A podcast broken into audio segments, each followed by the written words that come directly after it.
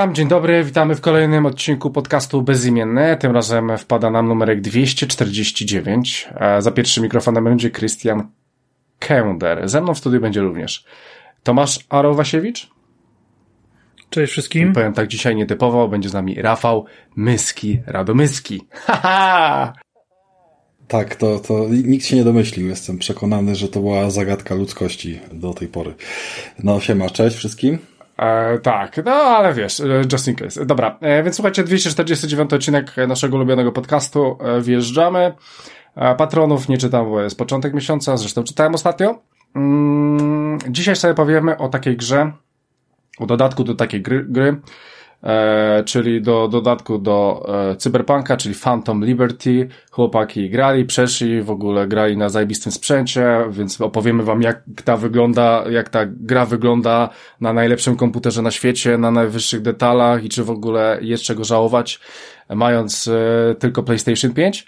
E, to o tym sobie powiemy. E, no i wiele, wiele, wiele rzeczy czytałem, że e, ten dodatek naprawdę dużo, dużo zmienia, e, resetuje nam cyberpunka i ta gra staje się no, czy, czymś zajebistym, więc w tym odcinku sobie o tym powiemy, czy faktycznie tak jest. No dobra, słuchajcie, standardowo była sobie ankieta, były sobie komentarze, więc może zacznę od komentarzy. Jacek, nasz Jacek Olbryś trochę nam posmarował, że to była, że poprzedni, poprzedni odcinek, e, czyli e, odcinek ze Spider-Manem, to była najlepsza recenzja, jaka jest e, na polskim Spotify'u, jeżeli chodzi o naszą recenzję, więc dziękujemy Jacku. Mam jeszcze tutaj komentarz od Nixofa, że chce, żebyśmy zrobili ankietę, ile jest metalowców w, jako słuchacze, ale ja myślę, że to nie jest że to nie jest taki podcast, więc... Ja w ogóle, jak... Krystian, wiesz, Spider-Man właśnie się określił, że tam się chyba go z 5 milionów sprzedało w pierwsze 11 dni, a my recenzję daliśmy yy, po, po 6 czy po 7, więc myślę, że się przyłożyliśmy mocno do tego wyniku. No to na pewno, szczególnie, że yy, też przyszliśmy, tak, czy tam Tomek na przykład. Jestem no i, przekonany, że przy naszych słuchaczach to ze 100 sztuk dodatkowo wpadło, nie? No wiem, ale właśnie problem polega na tym, że nie wiem, czy się cieszyć, czy nie. Znaczy z jednej strony się cieszę w sumie, no, no niech ma, niech mają ci play, fani PlayStation, bo to i tak pierwszy i ostatni ekskluzyw w tym roku, więc dla, dla mnie spoko, no. E, zbierali ca cały rok na jedną grę, więc okej. Okay. E, no dobra. I słuchajcie, jeszcze mam e, Lukas, pamiętacie tą, tego Lukasa, co ostatnio mówił o tym Starfieldzie, że 2 na 10? Chodziło mu, że 2 na 10, że, że w sumie on nie dał grze 2 na 10, tylko że naszej recenzji dał 2 na 10. No tak, to ja zrozumiałem. No, ale ja tam, jak w sobie przesłucha, przesłuchałem ten odcinek, to w sumie ja chyba taką narrację wprowadziłem, że 2 na 10, że on dał grze 2 na 10, ale ogólnie, ogólnie chciał się e, chciał się e, mm, trochę sprostować, że nie o to nam chodziło, w sumie nie o to mi chodziło e, i twierdzi, że nie jest to taka zła temat, e, że to nie jest taka zła gra, ogólnie jest bardzo spoko. E, dobra, to tyle. E, słuchajcie, no i e, nasza ankieta była taka, to Rafał dał w sumie pytanie do tej ankiety, więc pomyślałem sobie, no, a niech ma coś z życia. Więc słuchajcie, pytaliśmy was na odcinku ze Spider-Manem, czy rezygnujecie z gier, bo są za długie? No i 33 osób, procent osób, że tak, nie mają, że nie mają czasu na długie gry, 66, że nie. E, Tomku? E, dobra, Tomka nie pytam, bo to nie ma sensu. Rafał? Tak, zdarza się niestety, pomimo, że ogólnie nie mam nic przeciwko. Lubię, lubię takie światy, na które wiesz, trzeba poświęcić więcej czasu i, i, i i te 100 godzin nawet jest, wiesz, jest, jest dostępna. Natomiast mhm. y, gra, którą wiem, że ogarnę w 20-30 godzin, zawsze będzie wyżej na tej liście, mając na uwadze jeszcze kwestie no, poszanowania tutaj patronów i w ogóle jakichś nowych treści, że, mhm. że będę po prostu na nią patrzył cieplej, nie? Jeżeli mogę coś przejść w 15 czy 25 godzin, czy, czy, czy coś w tym stylu, a nie w 70 albo 100, no bo to zawsze kosztuje i pamiętam jak po, po przy zeszłej zimie, wiesz, wpadłem w Wiedźmina znowu na 100 godzin, no to to od razu się odbiło na tą, ile było recenzji, nie? Mhm. Więc Prywatnie no tak. bardzo chętnie w takie tematy wsiąkam, ale to się zawsze odbija na, na, na drugiej stronie, na tym, ile można materiału ograć i, i tak dalej. I, I niestety do niektórych gier, które już załóżmy były omówione, tak jak, y, nie wiem, Ghost of Tsushima gdzieś tam leży cały czas dla mnie, wiem, że jest długą grą i wiem, że no będzie, jest, będzie jest. czekał, nie? Red Dead Redemption ogarnąłem w zeszłym roku, też mi to sporo godzin poświęciło i też to było takie wyciągnięcie, wiesz... Y, Ale przeszedłeś w końcu. Tak, oczywiście. No, jak siadłem, to, to nic innego nie dotykałem, no ale miałem akurat taki trochę okres, kiedy, kiedy mogłem więcej czasu poświęcić. To było najlepsze, bo, bo, bo każdego dnia po te parę godzin to poszło szybko. Gdyby to się miało rozwlekać y, w bardziej klasyczny rytm i, i, i trwać przez, nie wiem, okrągły miesiąc, to, to dalej by mnie to bolało i nie chciałoby mi się chyba cały miesiąc jakby siedzieć na jednej grze. Najlepszym takim dla mnie wyznacznikiem jest to, czy, czy jestem w stanie coś ogarnąć, wiesz, w, w dwa tygodnie, nie? Nawet mhm. dzisiaj wspomniany Cyberpunk, no jakby na tyle lubię tą grę i, i, i zdawałem sobie sprawę z mnogości e, zmian i, i, i update'ów w patchach, że zdecydowałem się zacząć od początku i, to oznaczało dodatkowe, nie wiem, z 20 godzin rozgrywki, zanim się w ogóle doszło do, do etapu, w którym się dodatek y, rozpoczyna, bo on się rozpoczyna w jakimś tam konkretnym miejscu fabularnym i, mm-hmm. i no i znów, no 20 godzin wyrzucone w błoto, bo można było to odpalić na predefiniowanym jakimś, y, wiesz, y, save'ie, który, który gra pozwalała stworzyć i, i tyle, no ale pff, znów wiem, że to przejdę, wiem, że dodatek swoją drogą i dalej przejdę grę do końca i znowu to będzie sumarycznie rozciągnięte w czasie 100 godzin, wiesz, wywalone, nie? Eee, rozumiem. Tomku, czy ty chcesz jednak się do tego odnieść? Znaczy to pytanie jest takie bez sensu dla ciebie, ale może chcesz coś, nie wiem. Znaczy, no, ja troszkę cierpiałem w tym roku, więc szczerze, e, w związku z e, grami, które zajmują mnóstwo czasu, bo, bo, bo wyszło ich trochę, zwłaszcza w tym okresie późno-wakacyjnym, sporo, mhm. E, że, że, że, że, że brakowało mi jakichś takich krótszych tytułów. E, no ale no do tej pory wszystkie jakby do, pocisnąłem, więc no ja znajduję ten czas, chociaż przyznam się, że właśnie brakowało mi takiego dobrego podziału e, jakiegoś takiego właśnie Call of Duty pomiędzy Baldur's Gate'em a Starfieldem czy, czy czymś e, że, że jednak tak naprawdę wyszły takie spore kobyły czasowe. No w tym, znaczy, ale ten rok ogólnie jest e, zajebisty dla nas, dla graczy, nie? W sensie, że, że to są naprawdę dobre gry wyszły w tym roku. Chyba to jest taki nie, no tak. jeden ja, z lepszych ja, ja e, cały roków przy... od lat.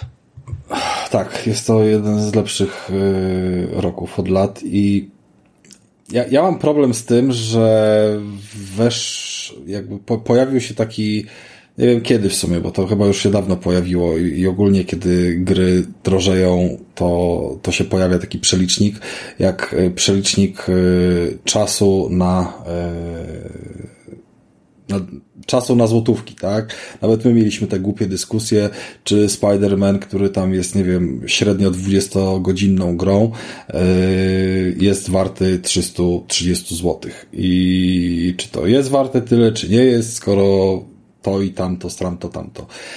No i cały czas jakby rozmawiamy o tej intensywności. Jeżeli jest jakaś gra, którą, którą trzeba poświęcić więcej czasu i, i okej, okay, ale czy to jest 60 godzin, czy to jest 100 godzin, ale cały czas ci dostarcza tej świetnej rozrywki, to jest to spoko, a jeżeli tam są wydłużacze i w tych 60 czy 100 godzinach musisz poświęcić 20 na robienie w kółko tej samej nudnej rzeczy, to jest to kompletnie nie fair, bo to jest jakby gra w kierunku tego, żeby podbić statystykę na how long to beat i, i wiemy, że ją gracze sprawdzają i, i odpalają i jakby, wiesz, yy, kierują się tym przy wyborze, a, a kompletnie się to nie przekłada na faktyczny fan z rozgrywki, nie?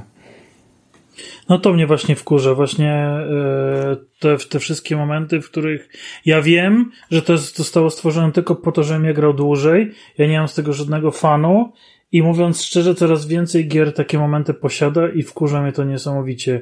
Więc ja wybieram Spidermana 2, który daje mi 20 godzin, ale tam wszystko ma ręce i nogi, ba, ja w te 20 godzin mogę zrobić platynę i też nie ma takiego momentu, w którym czuję, że robię nie wiadomo ile, e, niż 40-60 godzin, gdzie właśnie większość z tego czasu to będą jakieś backtrackingi, jakieś latanie z, z jednego końca mapy na drugi koniec i, i nie będzie to miało e, najmniejszego sensu i będzie tego frustrować. Mhm.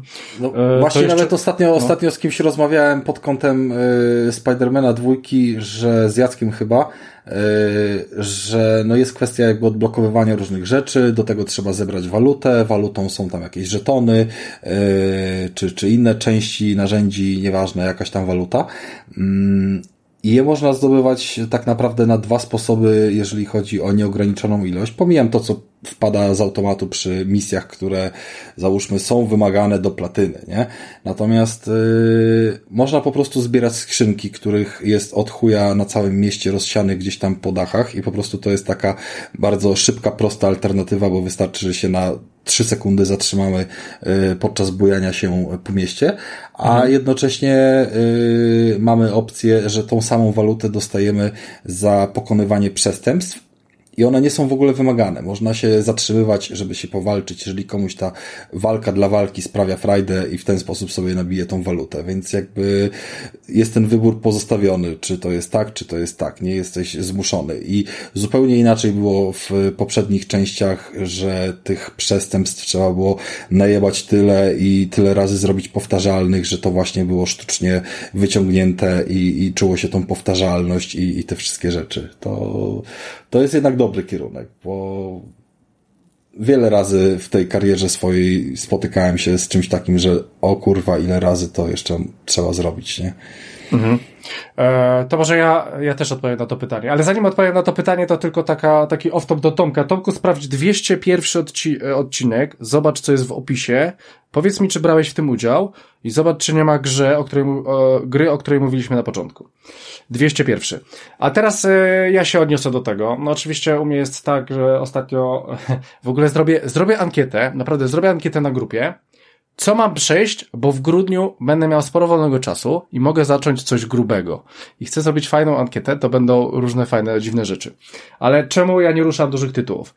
E, z prostego względu. Oczywiście czas, tak. E, no niestety nie mam tyle czasu, jak ja mam podejść do Wiedźmina, który ma 100 godzin, do GTA, który pewnie też ma 40-50, czy do właśnie Red Dead Redemption, czy do innych rzeczy, to po prostu niedobrze mi się robi, nie?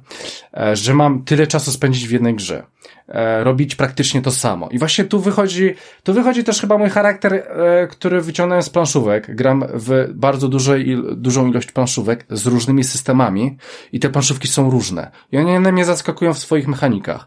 I tego samego, być może przez to, szukam też w grach. Nie, nie uśmiecha mi się robić 20 czy 30 godzin to samo w Spider-Manie, no bo nie oszukujmy się, gameplay jest ten sam. To, jest, to są zręcznościowe gry, to są zręcznościowe rzeczy. Czy nie wiem, czy nawet e, przechodzić nie wiem, kampanię w Dumie. E, czeka na mnie, bardzo bym chciał, ale, ale ja wiem, co to będzie za gra. To będzie cały czas to samo, coraz ciężej i tak dalej, i tak dalej. Natomiast szukam właśnie indyki i szukam w tych indykach jakichś fajnych mechanizmów, które po prostu mogą mnie czymś zaskoczyć, które będą czymś innym. Nie będę robił czegoś e, cały czas tego samego. E, będą to też gry, w których po prostu mogę trochę poruszyć szarymi komórkami. E, no dlatego no, dużo indyków ostatnio mi wjeżdża i pewnie będą wjeżdżały te e, indy, indyki. I też bardzo lubię skupiać się na fabułach, jeżeli są, jeżeli są dobre i dają radę. I w sumie o fabule to dzisiaj troszeczkę sobie powiemy. Dlatego to, że ja nie gram w takie gry, to dlatego, bo nie mam czasu, szkoda mi trochę tego czasu na gry, na gry w które po prostu non-stop robiłbym to samo. Może dlatego ta Yakuza, ten Life of Dragon tak bardzo mi się podoba, bo, ta, bo te gry są pojebane. W nich są takie dziwne rzeczy, takie, takie zaskakujące rzeczy, że jest po prostu sztos, a, a cała fabuła, cała warstwa fabularna jest zajebista. No Ishin to, to jest po prostu gra na zajebisty film. Więc y, i, i dlatego ciężko mi jest wejść w coś takiego, bo ja na przykład wiem, że e, no akurat z takich rzeczy, może Baldur by był spoko, ale no jednak 100 godzin i mm, te walki... No ale on nie zajmuje 100 godzin, tak? Bo, bo no tak. ja robiąc praktycznie wszystko, zajęło mi to godzin 60, więc okay. e, też, też może gdzieś tam nie robić wszystkiego i pewnie zajmie do 40. Więc 100 godzin było mocno, mocno nad wyraz. Mocno nad wyraz. E, no właśnie, ale już na przykład ta, taką Zeldę, to co nawet Tomek powiedział, że faktycznie, no jeżeli ja chcę zwiedzać świat, odkrywać i tak dalej, robić różne rzeczy, być może nawet by to pykło. Być może nawet u mnie by to pykło. Ale jednak e, nie lubię Minecrafta. Ha. Więc, e, więc e, Zelda odpada i pewnie mam Zeldę. W ogóle kupiłem Zeldę, bo chciałem w nią zagrać, spróbować, ale ale oczywiście na spróbowaniu się skończy. Więc po prostu nie mam czasu. E, mamy Tomka do dużych gier, Rafała do średnich gier, a ja ogrywam krótkie gry, więc e, bardzo dobrze się uzupełniamy i aby to było tak e, cały czas. No. Dobra, przechodzimy, słuchajcie, do tematów typowo gierkowych. Tomek, zobaczyłeś 21 odcinek? Zobaczyłem, nie mam je w tym odcinku, jest jakiś inny dziwny gość, którego nie znam. E, ale nie, faktycznie cię nie było tam? Nie, nie, nie, nie, nie. Byłeś z Mikołajem i z Wojtkiem. E, więc może dlatego tego nie, e, nie było. Dobra, więc e, jak chcesz, to masz 5 e, minut na to.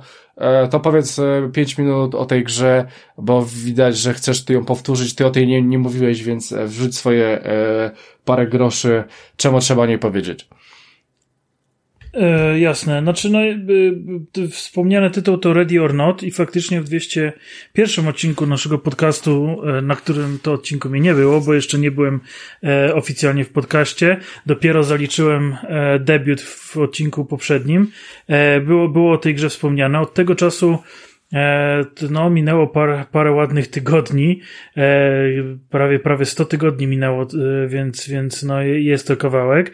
Gra się zmieniła nie do poznania. Mowa o Ready or Not, które jeszcze wciąż jest w early accessie, ale bardzo, bardzo zaawansowanym. No różnica naprawdę no, ponad rok czasu to jest dla tej gry to jest, jest kolosalna.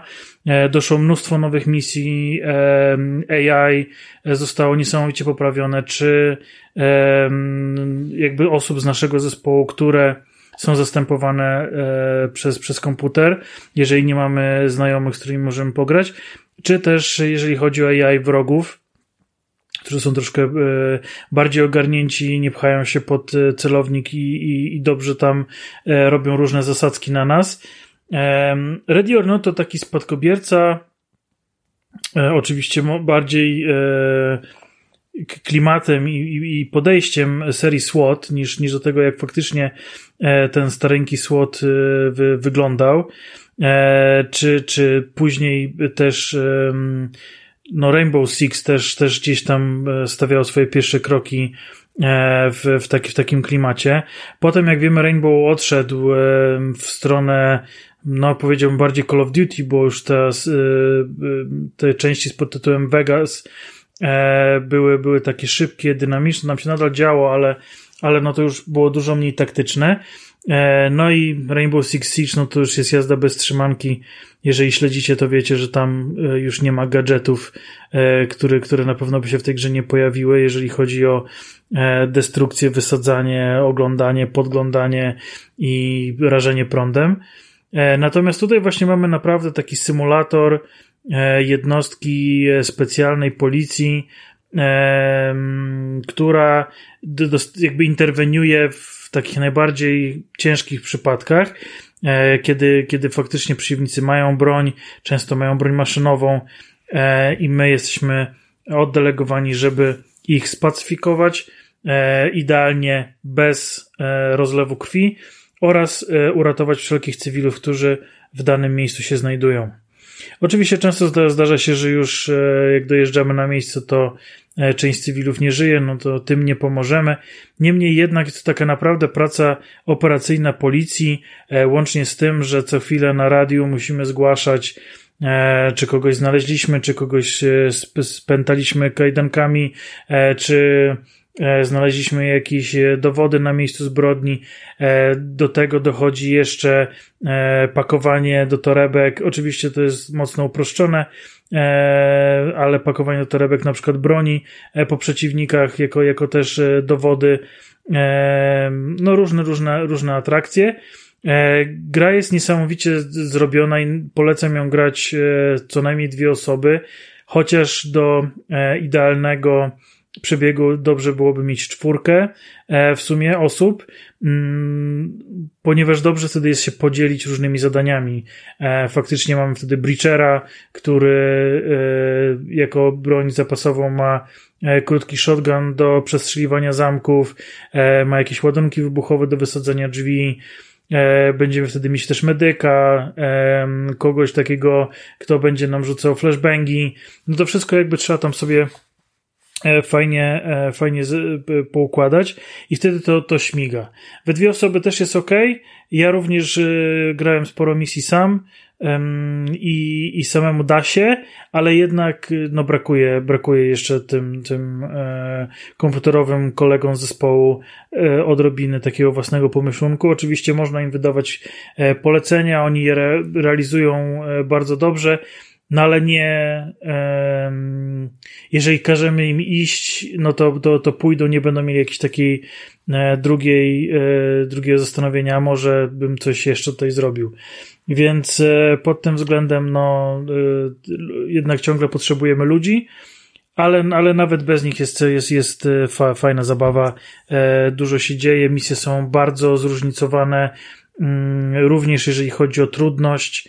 E, trudność głównie polega na tym, e, że e, budynki mogą być bardziej rozbudowane, mniej rozbudowane i to zagrożenie może przyjść z dowolnego punktu. Często są jakieś poukrywane miejsca, do których się musimy dostać i wydobyć albo dane, albo jakiegoś herszta bandy, nazwijmy to.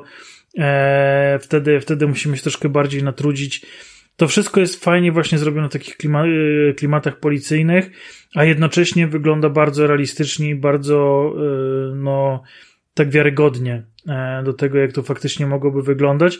Jednocześnie zabłąkana kula może nas e, posłać do ekranu e, końcowego i, i tyle, tyle widzieli. Więc no pod tym względem bardzo, bardzo fajna gra. Polecam i myślę, że jeszcze wrócę do tytułu, kiedy już faktycznie będzie ten, e, ta gra miała mhm. premierę. E, ciekawe w ogóle, czy wyjdzie na konsolę, bo yy, ma szansę, ale chyba z tego Early Accessa bardziej musi wyjść. No tak, to, to, to zazwyczaj tak jest, że, że dopiero, dopiero jak gra wychodzi z Early Accessa na PC, to E, twórcy rozważają przejście na, na, na mm. konsolę. E, no dobra, e, to więcej tutaj nie będzie, to już było 201, możecie sobie porównać, czy Tomek w ogóle fajnie mówi, czy nie. Dobra, no nieważne, dobra, przejdźmy do Rafała. Rafał zagrał też w fajnego małego indyka, jestem z nim, z nim bardzo zainteresowany, ponieważ on mi się jest jawi, że będzie... Jest w Game Passie. Jest w Game Passie, no ho, ho, właśnie, no, przede wszystkim. ja wiem. Zapomniałeś powiedzieć, zapomniałeś powiedzieć, spaliłeś najlepszą szansę swojego dzisiejszego wieczoru, że to nie jest indyk, a gołąb. A widzisz, a widzisz, masz rację. Więc e, Rafał dzisiaj będzie mówił o gołębiu, a gołąb nazywa się Head, e, Headbangers e, Rytm Royal. Rytm Royal to jest w ogóle ciekawe, jak Battle Royal. Dobra, e, więc Rafale, o co chodzi? Ty Tomku też to grałeś chyba, mówiłeś coś tam. Nie, nie, nie, nie, nie w Gołębie, A, w Gołębie nie, nie grałeś, więc Rafał, powiedz, co to w ogóle jest? Gra rytmiczna, strzelam. O, oczywiście, że to jest gra rytmiczna, ale to jest gra rytmiczna totalnie online'owa, która jest, yy, no właśnie, rytm royalem, czyli battle royalem w grze rytmicznej. To ciekawe, no. Grafika jest y, totalnie urocza, animowana 2D i, i, i po prostu zawiera śmieszne kreskówkowe y, gołębie, które ruszają głowami i, i drą swoje jabłki i robią różne dziwne rzeczy grają na instrumentach, kręcą się i, no i ogólnie to jest gra, którą można mieć y, na skali mm, gier dla jaracza y, określoną wysoko, jeżeli chodzi o, o kwestię tego po prostu, jaki fan dają z samego patrzenia, w sensie wiesz, możesz to totalnie grać przy dzieciakach i one będą miały frajdę z samego patrzenia na to, co się mm, dzieje na ekranie, nawet jeżeli ty po prostu właśnie walczysz o życie w, w kolejnej rundzie Battle Royala. Mhm. A co się dzieje? No, żeby ta gra się nie nudziła, no, chodzi o to, że wszystkie konkurencje mm, są zrobione w dosyć zabawny sposób i, i, i same ruchy tych gołębi, wykrzywianie głów, dźwięki, które wydają są humorystyczne i, i zwyczajnie śmieszne. Mhm. Jest, to, jest to taki przyjemny element gier natury właśnie, jak wiesz, y, Human Fall Flat, czy, czy coś w tym stylu, tylko tam jest to skupione na fizyce i tam jak się ludziki prze, przewracają, a tutaj na tym jak się gołębie wykrzywiają i robią dźwięki. Taki, taki typowy klimat y, głupiego indyka. Tylko, że od strony mechanicznej ta gra wcale nie jest y, takim całkiem głupim indykiem, czy też gołębiem, dlatego że No. Przede wszystkim na początku y, gra mierzy twojego laga. Mm, tam jest crossplay możliwy do odpalenia, więc y, czy grasz na PC, czy na Xboxie, to, to można się to jakoś, wiesz, jakby łączyć razem. Wszystkie rozgrywki są y, łączone w, w większych y, grupach graczy, zwykle około 30, chyba że jest jakiś problem ze zbiórką towarzystwa na serwerze, to, to się może pojawić mniej. Y, wydaje mi się, że kilka konkurencji też jest y, z góry zaplanowanych pod mniejszych. No i grasz kolejne dosyć krótkie yy, rundy na zasadzie, że odpada najpierw 10 osób, potem odpada kolejne 10, yy, potem odpada 5 i ostatnia piątka to już jest yy, do pierwszej pomyłki, wiesz, wypad, nie? Czy, czy coś takiego. Mm. No i tyle, no i to jest jakby cała rozgrywka w ten sposób zbierasz punkty. Tylko, że tych konkurencji jest blisko 30. Każda jest inaczej zaplanowana w kontekście wydawania dźwięków, więc to jest jakby albo klikanie przycisków mm, w jakiś zaplanowany sposób, tak jak e, przyjęło się przy grach rytmicznych, albo w odpowiednim kierunku wyginanie e, analoga. I to jest na przykład powiązane z, e, z odtwarzaniem pamięciowym, typu wyobraźmy sobie takiego, wiesz, trenera fitness, który przed tobą y, gibie się najpierw w lewo do góry, w prawo, w lewo i ty musisz to powtórzyć i jest oceniane jak bardzo rytmicznie również to powtórzysz i za sekundę on robi kolejny ruch i znowu powtarzasz to samo. No i na tym polega cała runda, która trwa 15 y, czy 20 sekund i te wszystkie punkty są zbierane do kupy. Bardzo doceniłem fakt i jest to no, powiedziałbym, że całkiem niespotykany fakt, jak, jak na e, tego typu gry, że na początku gra kazała mm, przez kilkanaście sekund rytmicznie wciskać przycisk, żeby ocenić twoje połączenie, ocenić jakiego ty masz laga, żeby z poziomu serweru właściwie ci naliczać punkty. To jest spoko akurat. To jest mega spoko, bo to wyrównuje szanse między wszystkimi i dzięki temu wszyscy się e, jakby mają naprawdę równe szanse i czuć, że one wynikają, wiesz, z tego jak ci pójdzie i jakie są twoje umiejętności e, w danej czy, czy tej czy innej jakby konkurencji rytmicznej. Mm, no i faktycznie możesz, możesz pójść do czołówki, możesz wygrać, możesz tam zdobyć jakieś punkty. Mhm. No oczywiście jakieś nagrody, jakieś stroje, jakieś inne głupoty, to, to, to jak najbardziej działa. Faktycznie twój gołąb, y, tak jak to sobie, wiesz, tak jak w Among Us, nie? Jeżeli, jeżeli sobie po prostu na tą niby banalną e, animacyjnie postać e, możesz ubierać różne czapki śmieszne i, i e, coś w tym stylu robić, to po prostu zawsze jest frajda, że ty się bardziej wyrówniasz, wyróżniasz. Mm, no ale animacyjnie i graficznie to, to po prostu cieszy oko, nie nudzi i, i, i głupia frajda z czekania w lobby i kręcenia e, głową gołębiem, który podczas tego wydaje głupie e, dźwięki, jest e, jest zabawna, nie, nie, nie nudzi się po trzech razach, ale po prostu tak wygląda lobby, wszyscy odpieprzają hałę i, i za chwilę wchodzicie do gry i się kończy zabawa i wtedy mm, wtedy jest walka. Cały czas widzisz punkty, w sensie nie punkty, tylko na którym miejscu jesteś, więc jeżeli wiesz, że, że 10 e, ostatnich osób e, w pierwszej rundzie odpadnie z tych 30, mm, to o ile jesteś w stanie oderwać wzrok od tego, co się dzieje na środku e, ekranu i tam, gdzie jest wymagane to skupienie, to widzisz, czy jesteś 23 czy 17 i to się jakby cały czas aktualizuje. Mm. Natomiast to skupienie jest też bardzo potrzebne. Mm, nie można to jakby nazwać typową grą rytmiczną bez żadnych przeszkadzajek w postaci, że lecą sobie tam krzyżyki kółka, że złapiesz rytm. Ty musisz złapać ten rytm. Jeżeli nie złapiesz jakiegoś rytmu, yy, który dana konkurencja wymaga, to na pewno opierdolisz, dlatego że w tej grze się pojawiają przeszkadzajki. Jak te przeszkadzajki wyglądają, to jest po prostu typowa inwencja twórcza. Yy, ja nie wiem, czy to nie jest Team 17 yy, gra, zaraz to sprawdzę, ale tak mi się jakoś yy, wydawało, mhm. że, że to jest od nich. Tak, wydawcą jest Team 17, a deweloperem jakieś glitches, ale to, to po prostu z ich ekipy. Tutaj przeszkadzajki wyglądają tak, że lecą ci guziki i masz jakieś odtwarzać elementy. No i, i, i nie wiem, masz przed sobą załóżmy siedem organków i musisz naciskać po kolei każdy z nich tak, jak one się odtwarzają, nie? No i odtworzy ci się raz y, drugi, piąty, siódmy, naciskasz sobie drugi, piąty, siódmy. Potem ci się odtworzy yy, siódmy, trzeci, pierwszy, zrobisz siódmy, trzeci, pierwszy. W międzyczasie wypada również z tego dźwięk, z każdego jakby pierwszy, trzeci, siódmy, poznajesz jakie tam są dźwięki.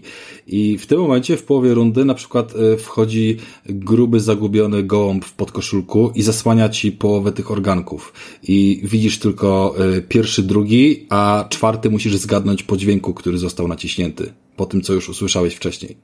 Rozumiesz ideę? Mhm, mhm, wiem o co chodzi że nie tylko optyką, ale też dźwiękiem musisz to jest spoko. tutaj cały czas nadrabiać i tego typu przeszkadzajek, że coś jest zasłaniane i musisz yy, yy, element wizualny zastępować dźwiękowym, powoduje, że to jest prawdziwy rytm royal, bo umówmy się, jeżeli ktoś ma dobre tempo w grze, jest odpowiednio responsywny, to on może sobie grać w takiego rock banda czy inne gry tego typu, nawet bez dźwięku. Lecą ekrany, klawisze, on naciska te klawisze i wszystko gra, bo wiemy w którym momencie nacisnąć ten klawisz. I, i żadna z tych gier nie ma tego typu przeszkadzajek, które powodują. Rytm pomaga, ale nie jest jakby wyznacznikiem, a tutaj nie da się bez tego zrobić, bo, bo są wprowadzone te przeszkadzajki, więc musisz mieć i oko, i ucho, żeby osiągać fajne wyniki, co powoduje, że no ta gra raczej odrzuci od siebie osoby, które nie mają tych umiejętności, natomiast te, które mają, skupiają się wokół niej coraz bardziej, no i, i ze sobą rywalizują, więc yy, tak jak powiedziałem, konkurencji ze sobą jest, jest chyba 27 czy 8, coś, coś ponad 30. One są krótkie, one są dynamiczne, one się nie nudzą i, i nawet po, po wielu godzinach gry cały czas czujesz, że jesteś jakby zaskakiwany. Mm, może nie czymś nowym, ale o, tego dawno nie było, nie?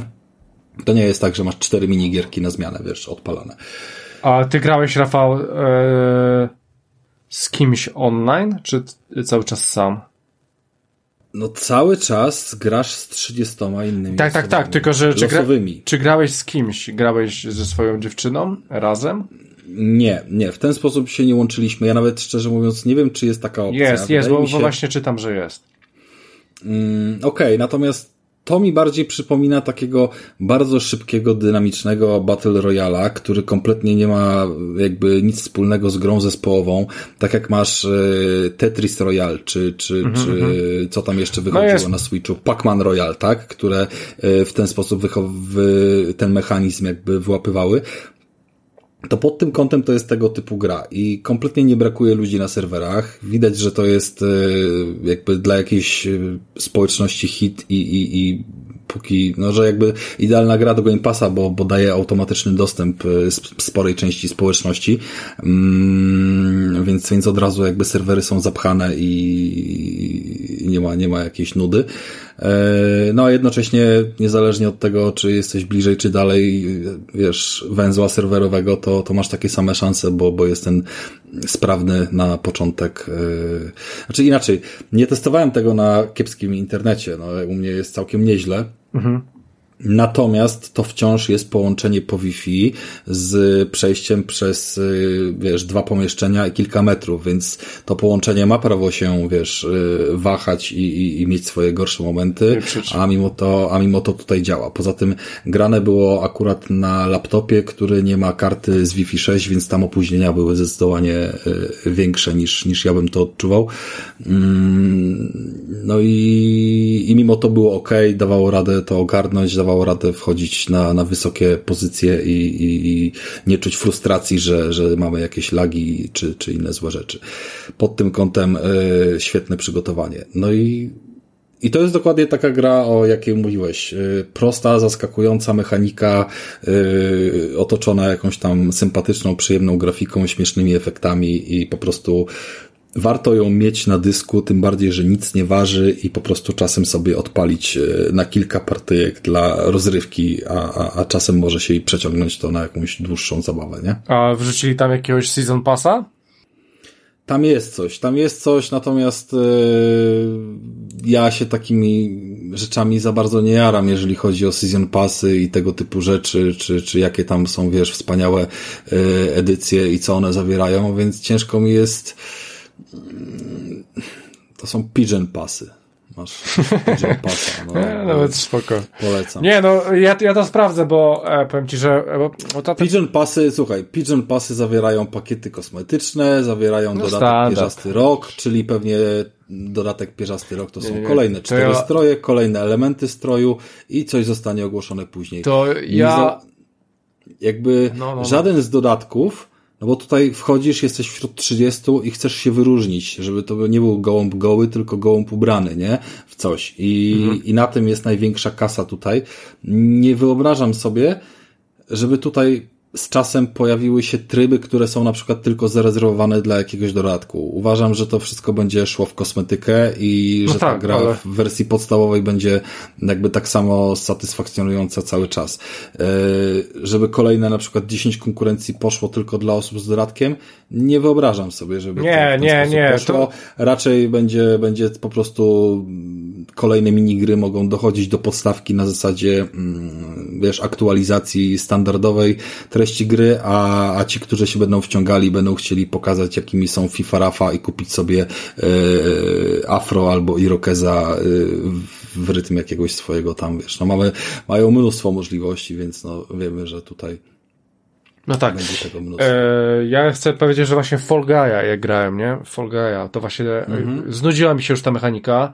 E, mało było, znaczy były nowości, ale po prostu gra, gra mnie zmęczyła.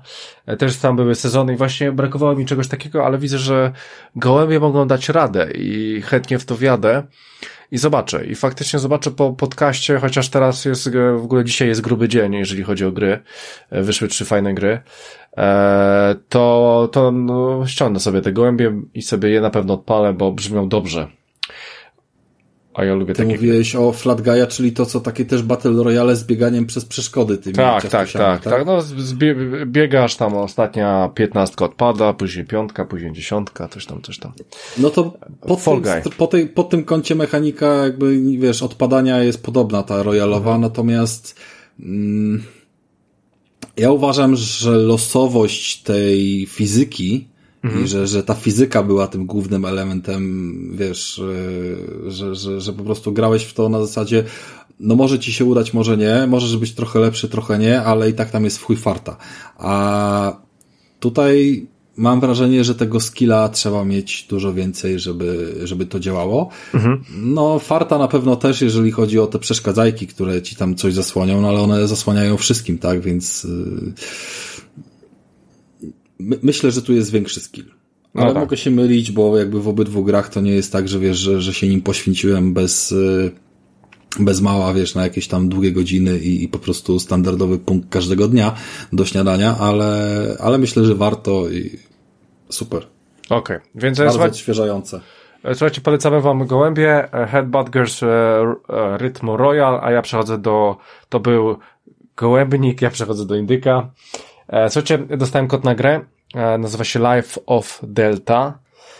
Jest to gra, która w sumie miała niedawno premierę, jeżeli chodzi o konsolę. No i wypadałoby o niej powiedzieć. No, dostałem kod, chciałem tą grę, przeszedłem tą grę, więc o niej powiem. Zajęło mi 6,5 godziny. Ale o co chodzi? Chodzi o to, że mamy takiego, takiego chyba troszeczkę, no, takiego klasycznego point and clicka, w, w sumie w takich klimatach cyberpunkowych dosyć, e, ale może nie takich jaskrawych, kolorowych i tak dalej, tylko bardziej gdzieś tam przedmieścia, gdzieś jest ponuro, brudno i niefajnie. E, I co? I kierujemy małym robotem, e, robot po prostu tam budzi się w swoim pokoju i okazuje się, że nie ma jego właściciela, ponieważ ten robot służył komuś, e, co okazuje się służył a może nie, może nie będę spoilerował. E, po prostu nie ma jego właściciela. I trafiamy do świata, w którym nie ma ludzi, w którym są same roboty.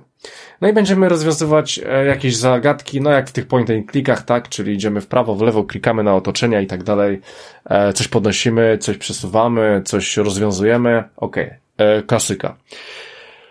E, dobra, więc to jest to. Więc słuchajcie, będziemy sobie chodzić po, po mapie i pierwsza rzecz, która jest ciekawa i bardzo mi się podoba, że w większości, jak na przykład wchodzimy do jakiegoś pomieszczenia, to w tym pomieszczeniu, w którym jesteśmy, na ogół jest rozwiązanie. Czyli jest jakiś problem i jest też jego rozwiązanie. Czasami to pomieszczenie będzie długie, w sensie na, na długość trzech czy czterech ekranów, więc po prostu trzeba będzie gdzieś pójść w tym pomieszczeniu bardziej w lewo, bardziej w prawo, coś rozwiązać, za jakąś zagadkę czy coś. To mi się bardzo podoba, e, podoba. Bo to nie jest tak, że musisz gdzieś wyjść, musisz gdzieś iść, musisz gdzieś przejść, musisz coś poszukać, e, tu ci się wczyta, tutaj przejdziesz, dobra, i wracasz i coś. Nie, tutaj takich rzeczy nie ma. I to mi się bardzo spodobało, że wszystko jest na, na ekranie, tylko trzeba po prostu tu poszukać. E, oczywiście to są jakieś proste, e, znaczy, może inaczej. Proste w założeniu zagadki, ale ogólnie zagadki są dosyć wymagające, ponieważ trzeba będzie bardzo często, jak na przykład coś jest popsute, czyli na przykład jakiś, nie wiem, robot jest popsuty, musimy do niego zajrzeć, musimy go naprawić, pomóc w naprawie, to trzeba rozwiązać jakiś labirynt, coś poprzesuwać, e, tak jak na przykład, e, nie wiem, czy pamiętacie taką zagadkę, pierwsza, lepsza, że macie klocek po lewej stronie i on musi się dostać po prawej stronie, a, w, w, a cała ta droga to jest dużo klocków i trzeba je tak poprzestawiać, żeby utorować mu drogę. I tego typu zagadki e, to będą, że właśnie takie bardzo, bardzo logiczne, w, większo, w większości będą to zagadki logiczne, nastawione na jakąś rozkminkę, na coś po przekręcanie, troszeczkę jakbyście układali kostkę Rubika, ale no może troszeczkę na, na niższym poziomie. E, więc e, to będą dosyć ciężkie i wymagające zagadki. I słuchajcie, bardzo mi się podobało to, jak to wygląda, bo to jest właśnie taki cyber, e, cyberpunkowy świat. E, gra jest, mam wrażenie, że ręcznie rysowana i po prostu są nawalone tekstury. E, bardzo ładnie to wygląda. E, bardzo też mądrze, bo wiadomo, indyk, więc e, mały budżet. E, w związku z tym bardzo, bardzo spodobało mi się to, jak zostało rozwiązane e, rozwiązane dialogi. Więc po prostu te dialogi są nagrane, wszystko jest nagrane, więc to, to jest, to jest super. E, tu zostało to rozwiązane, że po prostu roboty mówią w takich dziwnych językach, tak? Tak jakby ktoś od, tyłu, od tyłu czytał, albo jakoś tak dziwnie czytał, na wspak, e, nie wiadomo jak. Faktem jest, że one cały czas coś mówią. Mówią w swoich językach, oczywiście macie to po angielsku, więc e, fajnie to wychodzi. No i oczywiście, mm, znaczy oczywiście, e, misje w tej grze e, będą dosyć proste, bo wy po prostu zgubiliście właściciela i szukacie go, dowiadujecie się, gdzie on może być w jakimś mieście i ruszacie do tego miasta, żeby się do niego dostać, musicie zrobić różne rzeczy, bo nie macie czym i tak dalej. Po prostu, e, jeżeli chodzi o story, to jest, to jest super proste. E, no ale ta droga, tak, ta, ta droga jest bardzo ciekawa, poznajecie dużą ilość osób, one mają, mają problemy i rozwiązujecie te problemy. Więc ogólnie stary, klasyczny point and click, bardzo fajny, można troszeczkę pomyśleć, bardzo mi się to podobało. E, no i bardzo ładnie też wygląda. E, moja żona jak weszła, to powiedziała, o jaka ładna gra. No ładna gra. No tak, ta gra jest ładna, więc e, tu nie ma co ukrywać. I teraz tak. Jeżeli chodzi o warstwę muzyczną, to jest bardzo fajna. Był tam taki nawet jeden dosyć ciekawy element muzyczny. Ogólnie ta muzyka jest interesująca, jest fajnie, fajnie wpleciona w te tło no i nie odstaje, po prostu jest. Natomiast gra ma jeden poważny, ogromny, gigantyczny problem. Nie, nie wiem, czy on jest na PC, bo ta gra w ogóle wyszła najpierw na PC, a później na konsolę, ale sterowanie w tej grze. No bo e, na ogół jest to kursor, w którym musicie gdzieś tam klikać, tak? No ale wyobraźcie sobie, że po prostu po mojej, e, dobra, e, mam te okno, mam okno w grze, stoję na środku, po prawej stronie przy krawędzi jest coś, do czego muszę podejść. Klikam w to i on mi nie podchodzi. Ruszę się nim trochę w prawą stronę, bliżej, bliżej tego panelu, do którego chcę podejść. Przesunę się do niego trochę bliżej, klikam na panel, o, już mi podejdzie. I to jest cała gra. No jak można było to tak spierdolić? Wiecie, traci się pewnego rodzaju intuicję, bo nie wiecie, czy można coś z tym zrobić, czy nie. Akurat dobrze, że na padzie e, zostało to dobrze rozwiązane. W większości tego typu grach to jest, że jak e, naciśniecie cyngle czy RB, LB, bo oczywiście grałem na najmocniejszej konsoli na świecie, to to, co jest na screenie, i ten wasz kursor skacze z e, elementów, które, w którą, w, z którymi można wchodzić w interakcję. Więc to jest świetne. Więc po prostu sobie tak skakałem, o, tu mogę, dobra, to teraz klikam, próbuję e, wejść i coś tam, coś tam. I były też bardzo, słuchajcie, zawiesiłem chyba 10 minut na, właśnie na czymś takim, że chciałem coś kliknąć w coś, i nie mogłem, i przesuwałem, i próbowałem, dobra, może coś innego, rozkminiałem coś zupełnie innego, później znowu do tego wróciłem, a dobra, jednak, jednak poszło, nie? Więc e, no źle, Kto, ktoś zrobi bardzo złe sterowanie, bo czasami, słuchajcie, macie tego robota, klikacie, żeby iść w prawo, on nie idzie. E, musicie kliknąć na przykład troszeczkę bliżej tego robota, albo troszeczkę dalej tego robota, albo, albo troszeczkę po prostu ruszyć się tym robotem i znowu w prawo i wtedy on pójdzie. Więc Boże, no nie wiem jak można tak zjebać. E, tak, ktoś zjebał to, te sterowanie i powiem wam, że to jest takie, takie nawet na całe, na minus jeden, nawet na minus dwa, jeżeli chodzi do oceny, no bo no bo to w point and clickach to jest główna mechanika klikania do chuja i te klikanie no nie działa, no nie działa tak jak powinno, nie? Więc e, e, szkoda, szkoda mi tego, bo Life of Delta jest e, świetną grą. E, powiem wam, że odkąd mam ją od premiery, a mam ją praktycznie od premiery, to nie wyszło, nie wyszedł żaden update, więc e, nie, nie mam pojęcia, czy coś z tym robili. Co ciekawe, e, znalazłem gdzieś jakąś recenzję, w której też ktoś e, mówił, pisał, że właśnie coś ze sterowaniem jest nie tak. Nie zagłębiałem się w tą recenzję, ale jako minus daje, że, że sterowanie jest niefajne, więc domyślam się, że może też na tym Steamie były problemy. Małe studio zrobiło grę dobra wywalone, bo nie mamy czasu. Zwalniamy pięć osób z siedmiu, e, bo takie rzeczy się dzieją. Więc e, troszeczkę szkoda mi tego sterowania. Faktem jest, że point and click bardzo fajne. Jeżeli lubicie tego typu rzeczy, to to jest naprawdę, mm, to jest bardzo mózgożerny point and click i dlatego mi się podobał, bardzo ładnie wyglądający. Jeżeli przymkniecie na to oko, to ogarniecie temat, ale, ale niektóre rzeczy mogą być bardzo nieintuicyjnie. Też z jedną zagadką miałem problem, bo do końca nie wiedziałem, czy tak mogę, czy tak nie mogę i później rozkminiałem, ble, ble i w końcu się odwiesiłem. Eee, no, ale, ale, ale miło to wspominam tą grę, jej nie ma na żadnym Game Passie, ani niczego, e, niczym takim, więc po prostu trzeba kupić za jakąś tam kwotę. E, może, nie, może, może nie teraz, ale można poczekać jak przy pierwszym spadku i można się w nią zagłębić, jeżeli lubicie point and clicki. Jeżeli lubicie troszeczkę pomyśleć, a nie tylko machać padem jak pojebani.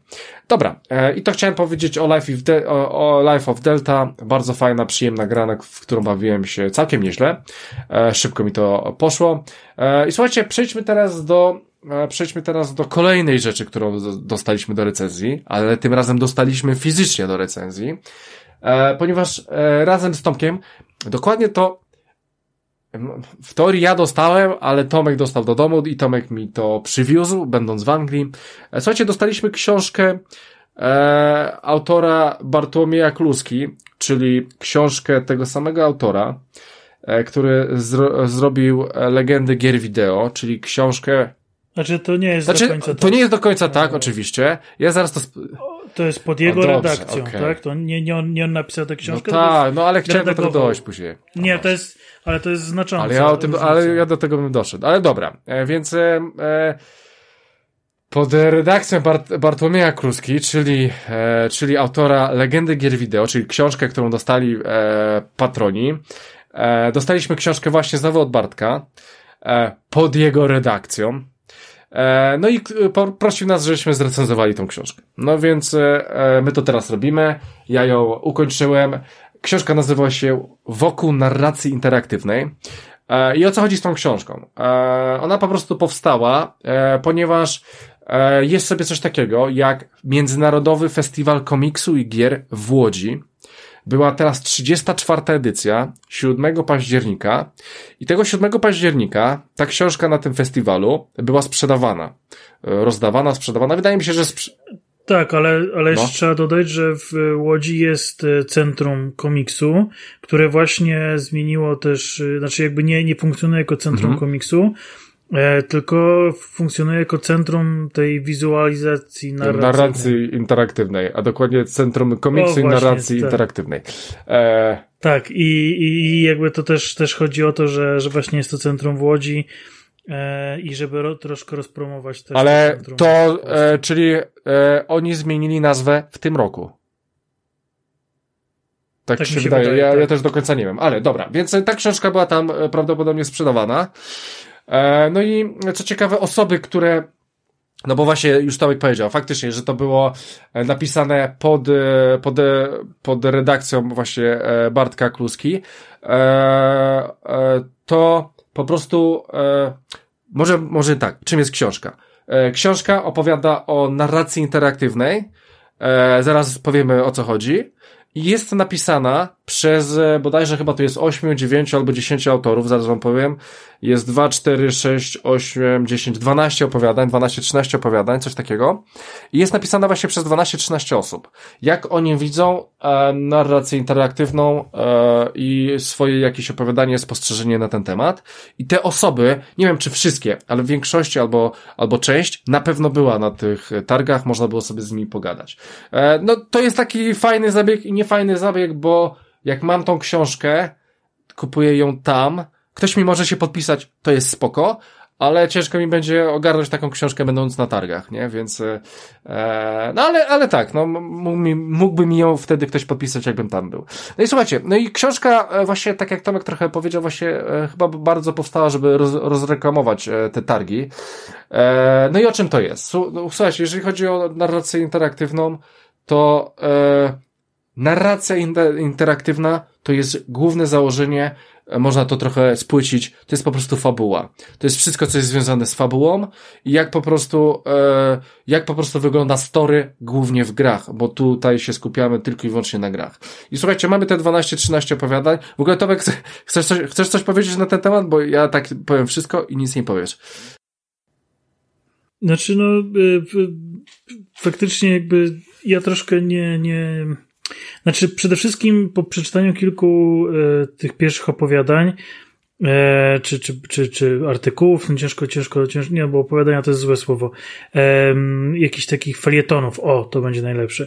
Po przeczytaniu kilku felietonów, e, tak mówiąc szczerze, nie bardzo wiedziałem o co chodzi, e, zwłaszcza, że te pierwsze e, powtarzają się względem siebie co do treści, że jakby, jakby opowiadają o tym samym, często biorąc te same przykłady. I tak mówię, hmm, ciekawie ta książka kosztuje. Po czym odwróciłem e, jakby książkę, żeby zobaczyć z tyłu i tam e, moim oczom okazała się cena 80 zł. I mało nie spadłem z krzesła w samolocie, a to by był bardzo bolesny e, upadek, bo no kurde, 80 zł bym, chyba bym naprawdę mocno był niezadowolony, jakbym zapłacił za to 80 zł. Ehm, właściwie z całej książki podobał mi się jeden, jeden krótki cytat.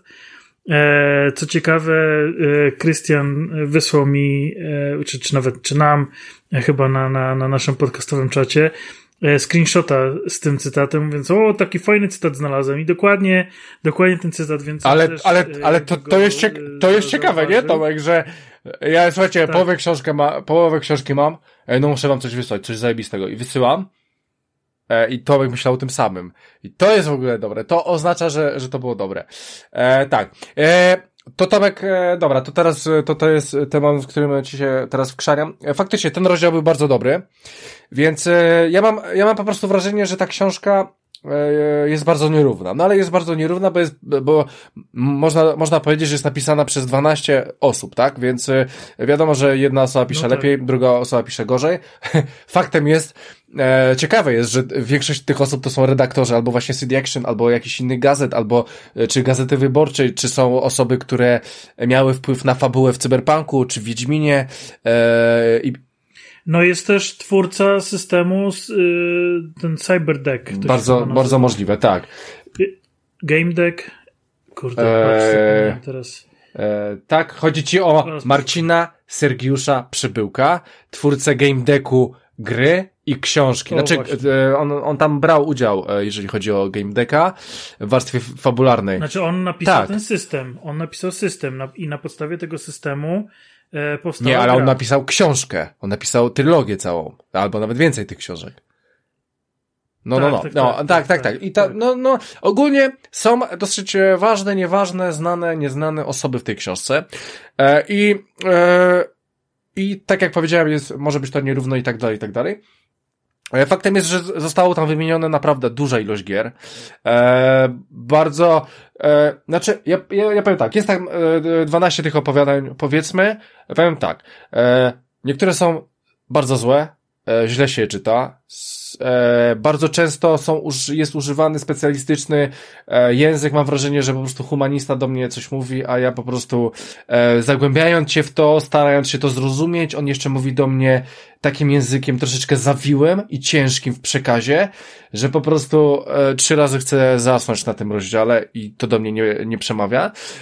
Aczkolwiek nie z niektórymi już takimi językowymi rzeczami, takimi ciężkimi troszeczkę do ogarnięcia.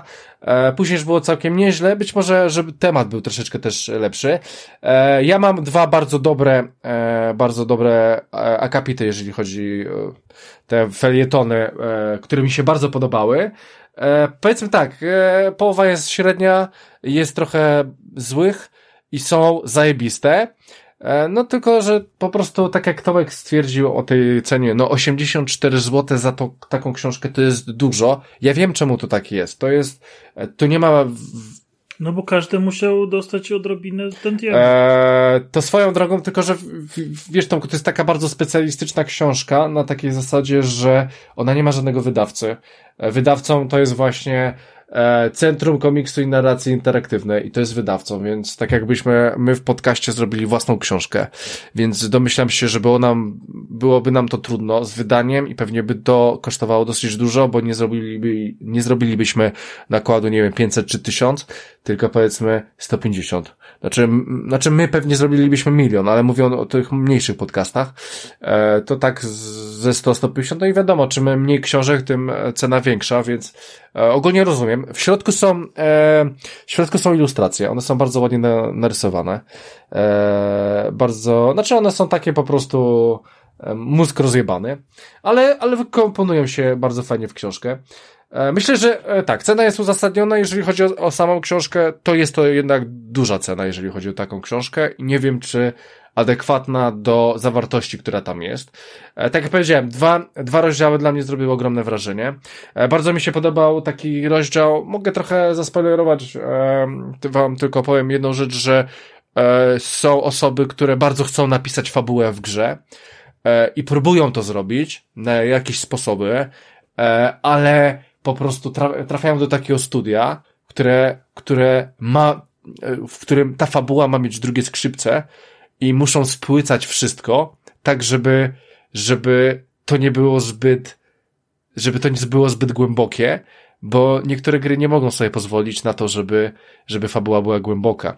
I Jest tam e, dużo, dużo takich e, przykładów gier, w których macie po prostu prostą, banalną fabułę, bo, bo nie ma czasu, nie ma, nie ma po prostu e, pieniędzy na to, że, żeby to wszystko było bardziej rozbudowane i żeby jeszcze te, te mechanizmy, które autor, któ- które, które e, autor e, tej fabuły i to, co chciał przekazać, no do końca nie ma na to e, po prostu, o Jezu, no chcę zamienić słowo pie, pieniędzy na coś innego. E, mm, no okej, no, no, a, brakuje mi słowa. Tak to jest, jak się mieszka w Anglii.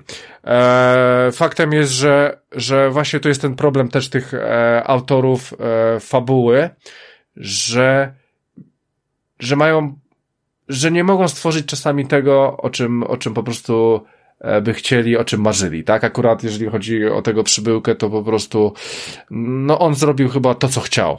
Tak mi się wydaje. On, on naprawdę zrobił to, co chciał i właśnie w tym game decku. Ale, ale były, były po prostu sytuacje, No ale No. właśnie, właśnie liczyłem, liczyłem bardzo, jak właśnie e, we wstępie tego felietonu okazało się, że właśnie, że on jest twórcą tego Mhm. game decku, to naprawdę mówiąc szczerze, mówiłem, jest wreszcie na koniec, będzie coś ciekawego, ale cały ten felieton to jest autolaurka, w której on nas zachęca do kupienia wszystkiego, do czego on dotknął. I to jest tak po prostu Okej. nachalne, tak wsadzone po prostu w twarz jak, jak te placki w, w, z, z bitą śmietaną w, w amerykańskiej slapstickowej komedii, że no odrzuciło mm. mnie to strasznie że, że licz, liczyłem na coś fajnego, a dostałem no, no straszny dramat. Strasznie mnie ten wkurzył. E, ten wiem o co ci chodzi. E, jeszcze była taka jedna dosyć e, ciekawa sytuacja, w której e, było pokazane, jak ta fabuła w grach się zmieniała i jak e, ta fabuła zaczęła wpływać na gry i czasami też e, twórcy, żeby nie robić jeden do jednego, tak jak na przykład e, zrobił The Last of Us, tak? Czyli dostajemy grę, a później dostajemy serial jeden do jednego praktycznie, e, twórcy musieli zmieniać e, też te swoje fabuły, że jak dostajemy grę na podstawie jakiegoś filmu albo książki, to żeby ona nie była jeden do jednego taka sama, no bo gracz może być niezainteresowany przechodzeniem tego, co, nie wiem, obejrzał albo czytał. I też, e, też w wielu grach trzeba było zmienić te fabuły, e, tak żeby, żeby gracz był zaskoczony, żeby chciało mu się w to grać, żeby chciał odkrywać coś, co w sumie zna, może nawet w świecie i tak dalej. I tam chyba właśnie przykład, nie wiem, czy przykładki było Ojca Chrzestnego, czy właśnie czegoś takiego. E, słuchajcie, faktem jest, że można z tej książki ciekawe rzeczy e, dorwać. Są, jest dużo tytułów, e, dużo e, nazw wpada, e, ale ta, tak jak mówię, 84, w ogóle to jest ciekawa sprawa. Tej książki nie, nie kupicie nigdzie, jej w żadnym sklepie nie ma. Powiem więcej, jej nawet nie ma w żadnym internetowym sklepie. E, z tego, co ja się dowiadywałem, a szkoda, że właśnie nie, nie, napisałem do Bartka, żeby się dowiedzieć dokładnie, jak to wygląda, ale z mojego, z mojego researchu wygląda to tak, że musicie właśnie e, wejść, e, wejść, wejść na tą stronę, tego stronę Centrum Komiksu, Komiksu i Narracji Interaktywnej i tam znajdziecie linka linka, dokładnie to znajdziecie maila i na tego maila musicie wysłać zapytanie, że, że chcecie książkę. Więc ją tak łatwo nie kupicie. To nie jest, pyk bierzecie do, do koszyka i, i macie. E, tak. E, faktem jest, że e, ja w sumie się w miarę dobrze bawiłem z tą książką. E, jest troszeczkę za droga. Mogłaby być tańsza. E, jest okej. Okay. Kolejna książka e, o grach. Ja po prostu lubię książki o grach. E, i po prostu staram się czytać i poszerzać swoją wiedzę, jeżeli chodzi o wszystko. Tutaj akurat takiej wiedzy dużej nie ma, bardziej są takie przemyślenia osób. W sumie to są takie felietony, które mogą być w CD Actionach czy coś. Aczkolwiek tu są chyba troszeczkę jednak na wyższym poziomie, jeżeli chodzi e, o takim intelektualnym poziomie. Dobra. Znaczy mnie, nic znaczy mnie, mnie, mnie raczej... To, to, dla mnie to jest największy mnie raczej też. tego, że liczyłem, że, że, że chociaż jeden e, powiem coś mhm. nowego, E, ale jeżeli jesteście ludźmi, którzy siedzą w temacie, którzy po prostu nie tylko grają, tylko interesują się, e, interesują się też rzeczami, które nie grają, czyli po prostu wiedzą to, co wychodzi na rynku, e, co się dzieje, jakie są zmiany, że Microsoft kupuje nowe studio i tak dalej, po prostu żyjecie tym, to to wydanie 84 zł, żeby się nic nie dowiedzieć. Tak, tylko że to nie jest do końca też, że jak coś kupujesz, to musisz się wszystkiego e, dowiedzieć, bo czasami jest to e, przyjemna książka tak, żeby poszerzyć swoją wiedzę, albo też zobaczyć. Znaczy, jest tu trochę historii, tak? No ale ona nie poszerza wiedzy, to, to, to jakby... Znaczy, mm, no nie, okej, okay, nie, nie poszerza wiedzy, ale to można też czysto, czysto rozrywkowo to też brać, tak? Pod uwagę. Jeżeli po prostu chcecie dołożyć cegiełkę do, do, do, do tego centrum w Łodzi, żeby o, może w ten sposób, tak. O, I to jest chyba najlepsza puenta tego wszystkiego, tak. E, też mi się tak wydaje. E, więc to tyle. E, więc chyba możemy przejść do następnego tematu. E, ile już mamy na karku? Mamy tyle. Ja jeszcze mam do ciebie pytanie e, na koniec, Tomku, zanim może przejdziemy do ten. Powiedz mi, czy ty faktycznie przeszedłeś całą kampanię? W sensie e, tytułu, który mamy zaraz omawiać? Nie, te tytułu, który premierę miał jutro. Tak. no dobra, to, to ruszmy to. Ruszmy to. Mam nadzieję, że to. Okay. Nie, zmieścimy się. To to i później wjeździmy cyberpunkiem. Dobra, słuchajcie, więc e, dobra. w ogóle nie wiem, czy mówiłem, że nagrywamy 9 listopada 2023 roku w godzinach wieczornych. E, no i słuchajcie, jutro będzie miała premiera kampanii w Modern Warfare 3, czyli... Nie, nie, jutro będzie miała premierę full, full, e, full okay, gra. Okay. E, multi, zombie mhm. i kampania.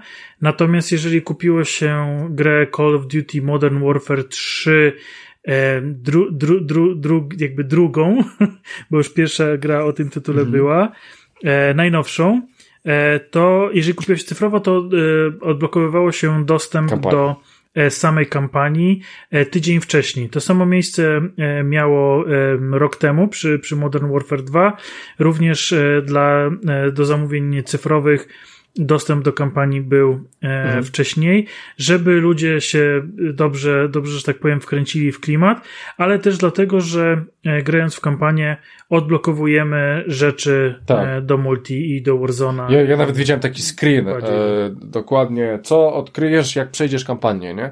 E, to widziałem coś takiego. E, no dobra, e, Tomku, Modern Warfare 3, więc e, mocny hejt się nam ostatnio wylał na tytuł, że ta kampania jest strasznie krótka, a my dzisiaj gadaliśmy w ogóle o tych, o tych długich i krótkich grach.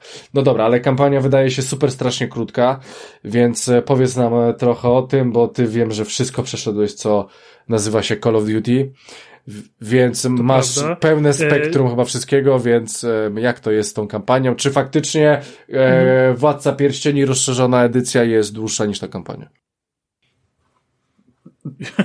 Jest. E, jest. Słuchajcie, e, no Modern Warfare 3 e, miało być dodatkiem, bo w zeszłym roku powiedziano, że Call of Duty przechodzi z systemu wydawania pełnych wersji co rok na system dwuletni i że znaczy w zeszłym roku było mówione, że w przyszłym roku wyjdzie mhm. dodatek do Modern Warfare 2.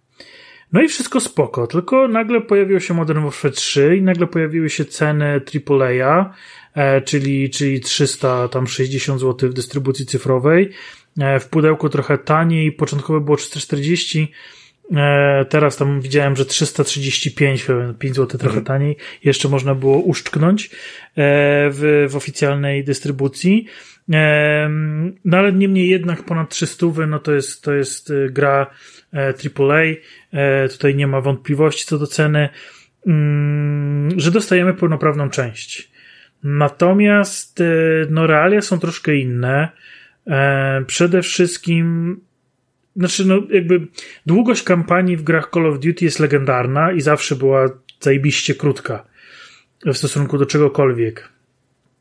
E, niemniej jednak oscylowaliśmy gdzieś na poziomie 8 godzin.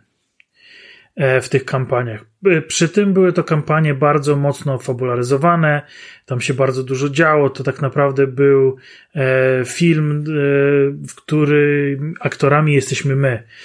Oczywiście tam zmienia, zmieniali się ci operatorzy, więc graliśmy różne postacie, ale, ale jakby no, no, braliśmy udział naprawdę w czymś, czymś epickim, nawet jeżeli było to krótkie. E, no, różne sceny, między innymi, co prawda ze starej trylogii Modern Warfare, e, przeszły do kanonu e, gier i tego, co można fabularnie zrobić, więc no też trzeba mieć na to uwagę, że, że właśnie mimo tej, tej krótkości były, były, były, mm, no tam się działo. Natomiast w tym roku za grube pieniądze dostajemy no, śmiech na sali, e, bo dostajemy kampanię, którą ja ukończyłem w godzin 4,5. Mm, I to jeszcze częściowo liżąc ścianę. A grałeś, grałeś na e, weteranie? Więc, e, na, na, trzecim z czterech. Aha, czyli grałeś dla dzieci, poziom e... dla dzieci. No, jakby chciałem zdążyć do odcinka, Aha, no tak dobra, tak powiem, okay, no. e... Więc, bo, bo miał było trochę za, za, zawirowania, ja dostęp do tej kampanii dostałem dopiero wczoraj, więc, Aha. E, więc nie miałem tego, jakbym miał cały tydzień, to pewnie bym Czyli przy, Przeszedłeś to w jeden dzień? Znaczy no w, w, w, wczoraj i dzisiaj dokończyłem tam chwilę przed, przed odcinkiem. okay.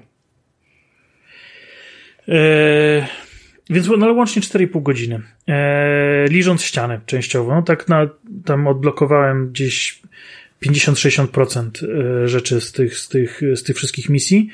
E, więc no, nie wiem, no maksymalnie zajęłoby mi to 6 godzin, myślę. Mhm. Wymaksowanie tego, no to, to też jakoś nie, nie porywa. Okay. E, gdzie wcześniej właśnie te 8 godzin, jak mówiłem, dotyczyło nie bez maksowania, czyli po prostu przejście.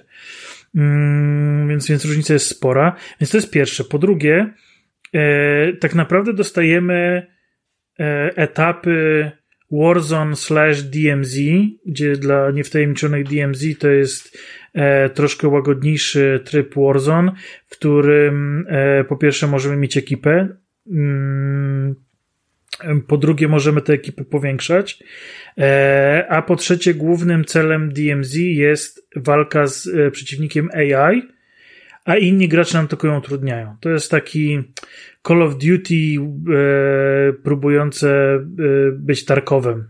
Escape from Tarkov. E, jakby porównanie jest wyłącznie, żebyście mniej więcej wiedzieli o co chodzi, ale to, tak naprawdę te dwie gry nie mają nic wspólnego ze sobą. Mhm. E, poza tym, że w obu się strzela. O proszę, to e, No ale tak, tak, taki był zamysł tego DMZ. E, więc więc ma, lądujemy na, na mapach, tam mamy skrzynki, w skrzynkach mamy e, jakieś epickie bronie w różnych kolorach tęczy, e, czasem niebieska, czasem e, pomarańczowa, czasem fioletowa, tam zależy co tam nam na grę wylosuje. Zazwyczaj na takich mapach jest tych skrzynek kilkanaście, w każdej jest co innego, raz dostajemy snajperkę, raz shotguna z tłumikiem, raz granatnik, raz pistolet, więc, więc trochę, trochę tam tego zbierania jest. Mm, I, no i realizujemy misję. E, misja generalnie pozwala nam się skradać i pozwala zrobić wszystko, żeby tam to skradankowo wyszło. I mówiąc szczerze, mi się grało tak lepiej. Natomiast można też zrobić hurdur, rzucić e, 38 granatów, e, postawić e, 5 wieżyczek i, i zacząć napierdzielać e, rakietami z kosmosu. E, no i wtedy przylecą helikoptery, będzie mnóstwo tam żołnierzy, zaczną się spawnować i tak dalej i można zrobić gruby rozpierdziel. E, I wszystko spoko, tylko po co? E, misje te są bardzo schematyczne. W sensie lądujecie na mapie, wysadzić, macie, macie wysadzić trzy helikoptery. Jak wysadzicie te helikoptery nie ma znaczenia, więc tak naprawdę można to speedrunować, e, dobiec do miejsca, w którym jest e, RPG, strzelić z RPG trzy razy do helikoptera i w pięć minut macie misję opędzlowaną. Czekaj, e, Tomku, to są, i to wszystkie misje wyglądają właśnie w ten sposób? E, z połowa. Czyli, czyli, e, połowa, natomiast... Czyli połowa jest taka troszkę bardziej fabularyzowana, ale też yy, no też nie porywa. To straszne. Znaczy, w sensie, że jeżeli to tak, to, to tak jakby ci dali mapę i po prostu robili, to, to taki Far Cry trochę się zrobił. No nawet, no, nie, no gorzej niż Far Cry. Właśnie o to chodzi, że gorzej niż Far Cry. Nie no, jest dramat. Jest, jest dramat. E, jakby trzeba tam po prostu biegać, e, łapać te e, wkłady balistyczne do kamizelki, odblokowywać upgrade'y kamizelki. E, przeciwnicy oczywiście są gąbką na kulę. E, wypadacie raz, dwa i ciągle trzeba właśnie gdzieś tam te płyty sobie wpychać, więc no, no, no, no nie no. Gdyby to było wydane, mhm jako taki tryb specops, nie? Tak jak o, kiedyś było piękne, w Call of Duty. Piękne. To spoko, ale jako kampania no jest, jest słabo. Jest dużo takich fabularnych, też nie chcę wam zdradzać, ale dużo takich fabularnych głupot, które łapiecie się za głowę, jak to jest w ogóle możliwe, mhm. nie? E, tak naprawdę, naprawdę jakby obrażających e, inteligencję e, graczy. E, więc no tutaj ta fabuła też nie porywa. E, jasny, jest jakiś tam jest jakiś tam wątek główny, e, który jest kontynuacją Modern Warfare 2, e, który też jakby no zahacza o to, co się wydarzy w starej trylogii Modern Warfare. Mhm. Poznajemy pewne motywacje, poznajemy pewne sceny, które już tam są nam znane, a tu dopiero się one rozwijają, z czego i z czego wynikają. Mhm no nieodmiennie jakby ta nasza ekipa, czyli Soap, McTavish, y, Ghost, e, Fara, e, to są, to są ludzie, Alex, z którymi naprawdę fajnie się, e, fajnie się jakby spotkać znowu, znowu coś nimi porobić, ale no jakby są rzuceni na, na jakby no, na taki no, front, nazwiłbym, nazwałbym to, E, w którym no, jest po prostu nudno, dziwnie i, i bezsensownie. Więc e, jedyne co fajnego jest w tej kampanii to to, że właśnie jest krótka i nie musicie się długo męczyć i to, że odblokowujecie jakieś rzeczy do multi, w którym pewnie spędzę kolejny rok, więc no. Czyli. Jej. Ale, no, no. ale no mówiąc szczerze, no wy, wydanie 360 zł za to, to jest nieporozumienie. Mhm. E, ilu? 360. E, dobra, e, powiedz mi Tomku w takim razie, czyli e, e, Modern Warfare 2 to była poprzednia część chyba, tak? Tak. E, I tam, e, tam można było kupić Modern Warfare 2 dla samej kampanii? Powiedziałbym, że tak. Nie, bo mam wrażenie, że czy już to te kampanie zaczęły się pieprzyć Powiedziałbym, że tak. Nie, nie, tam było, tam było naprawdę, nie, tam było, tam było, tam była naprawdę dobra okay, kampania. dobra. To nie jest jeszcze, to nie jest jeszcze poziom e, tej starej trylogii, gdzie te były, kampanie były genialne, ale była bardzo dobra, dużo się działo, był bardzo fajny wątek e, główny, mhm. e, bardzo fajne wprowadzenie wojsk specjalnych e, meksykańskich, to mi się bardzo podobało. Mm, znaczy, no, ale jest Call of Duty, tak? czyli One Man Army, ale, ale no jednak y, fabularnie działo się. A też były właśnie misje tego typu? Ten, ten tryb, o którym powiedziałeś? E, nie, nie, tam w ogóle było, była taka nowatorska misja, w której e, był crafting w stylu właśnie The Last of Us, ale była to jedna misja e, w całej okay. grze. No właśnie oni mogą sobie, e, że tak powiem, e, e, bawić się tą konwencją i zmieniać w sumie jak chcą, bo Natomiast no tutaj ten, ten Warzone, ten DMZ to jakoś tak, no to nie siadło. Ehm, znaczy no, znaczy, no oczywiście, oczywi a jeszcze dodam tylko, co prawda nie, nie, grałem tylko w betę, więc, no ale no pewnie za dużo się to nie zmieni. E, więc jeszcze jakby, żeby kopnąć leżącego, no, dobi, dobi. to za te 360 zł dostajemy tak naprawdę stare mapy. Dostajemy mapy z poprzednich Modern Warfare, które są tylko Ale poczekaj, ty mówisz teraz o o multi. A, czyli już przechodzisz Więc, teraz do multi. Nie, jakby nie przechodzę do multi, tylko jakby chcę dodać, bo, bo nie grałem jeszcze w multi. Multi będzie odblokowane jutro. Tylko chcę powiedzieć, że nie dość, że naprawdę skaszanili tą kampanię, e, robiąc to, co hmm. zrobili, to jeszcze w multi dostajemy odświeżone mapy, czyli oni naprawdę jakby zrobili ćwierć pracy, a wzięli za to full hajsu, nie? E, a wiesz, ile tych Więc, map będzie w takim razie? Nie, nie, nie, tak, żeby numerek podać to Aha, nie. Wiem. A może będzie tysiąc? W becie było 8, w becie było 8, e, no myślę, że jeszcze jakieś dodadzą, no to powiedziałbym między 12 a 16. Aha. No tak, no to powiem ci, że może być grubo, może być gruby hejt. Ale nadal są to mapy, które oni już stworzyli. A... Oni tylko dodali tutaj yy, rozdziałki. Okej. Okay. E, ogólnie bym bronił tej gry, ponieważ ta gra e, niedługo będzie ekskluzywem, a na, a na pewno 70% użytkowników PlayStation 5, którzy zapłacą za Modern Warfare 3 na PlayStation, E, inaczej. Użytkownicy, którzy zapłacą za Modern Warfare 3 na PlayStation, 70% pójdzie do Microsoftu, więc kupujcie tą grę. E, faktem jest, że chcę powiedzieć o czymś innym, jeżeli chodzi o Call of Duty. E, mi kolega, ja dzisiaj się pytałem w pracy, czy jedna osoba kupuje Call of Duty, e, tego Modern Warfare'a. Powiedział mi nie. Czemu? Bo jest za drogi. Dobra, to ja w ogóle, to w ogóle przestań grać na konsoli. E, a druga osoba mi powiedziała, że kupi, ponieważ powiedziała mi, że to jest pierwsza odsłona Modern Warfare'a, e, Modern Warfare'a, która będzie miała zombie. Czy to prawda? To prawda. I jaram się, bo, znaczy, no mam nadzieję, że, że, że jest się czym jarać, bo, bo oglądałem gameplay kilkudziesięciominutowy z tego trybu zombie i może być naprawdę przekozak. Może być przekozak. No, no właśnie. I to jest właśnie te Call of Duty, tak? Że może akurat w tej części bardziej skupili się na takich rzeczach, a nie na innych. No, e, dobrze wiemy, że jednak e, no, te kampanie to jednak zawsze były dodatki do multi, tak? Chociaż e, znam osoby, chyba nawet pamiętam, że kiedyś Rafał e, kiedyś chyba nawet grał w Call of Duty, tylko żeby kampanię przejść. Nie wiem jakim cudem, ale znaczy mam chrześniak, e, boże tak chrześniaka.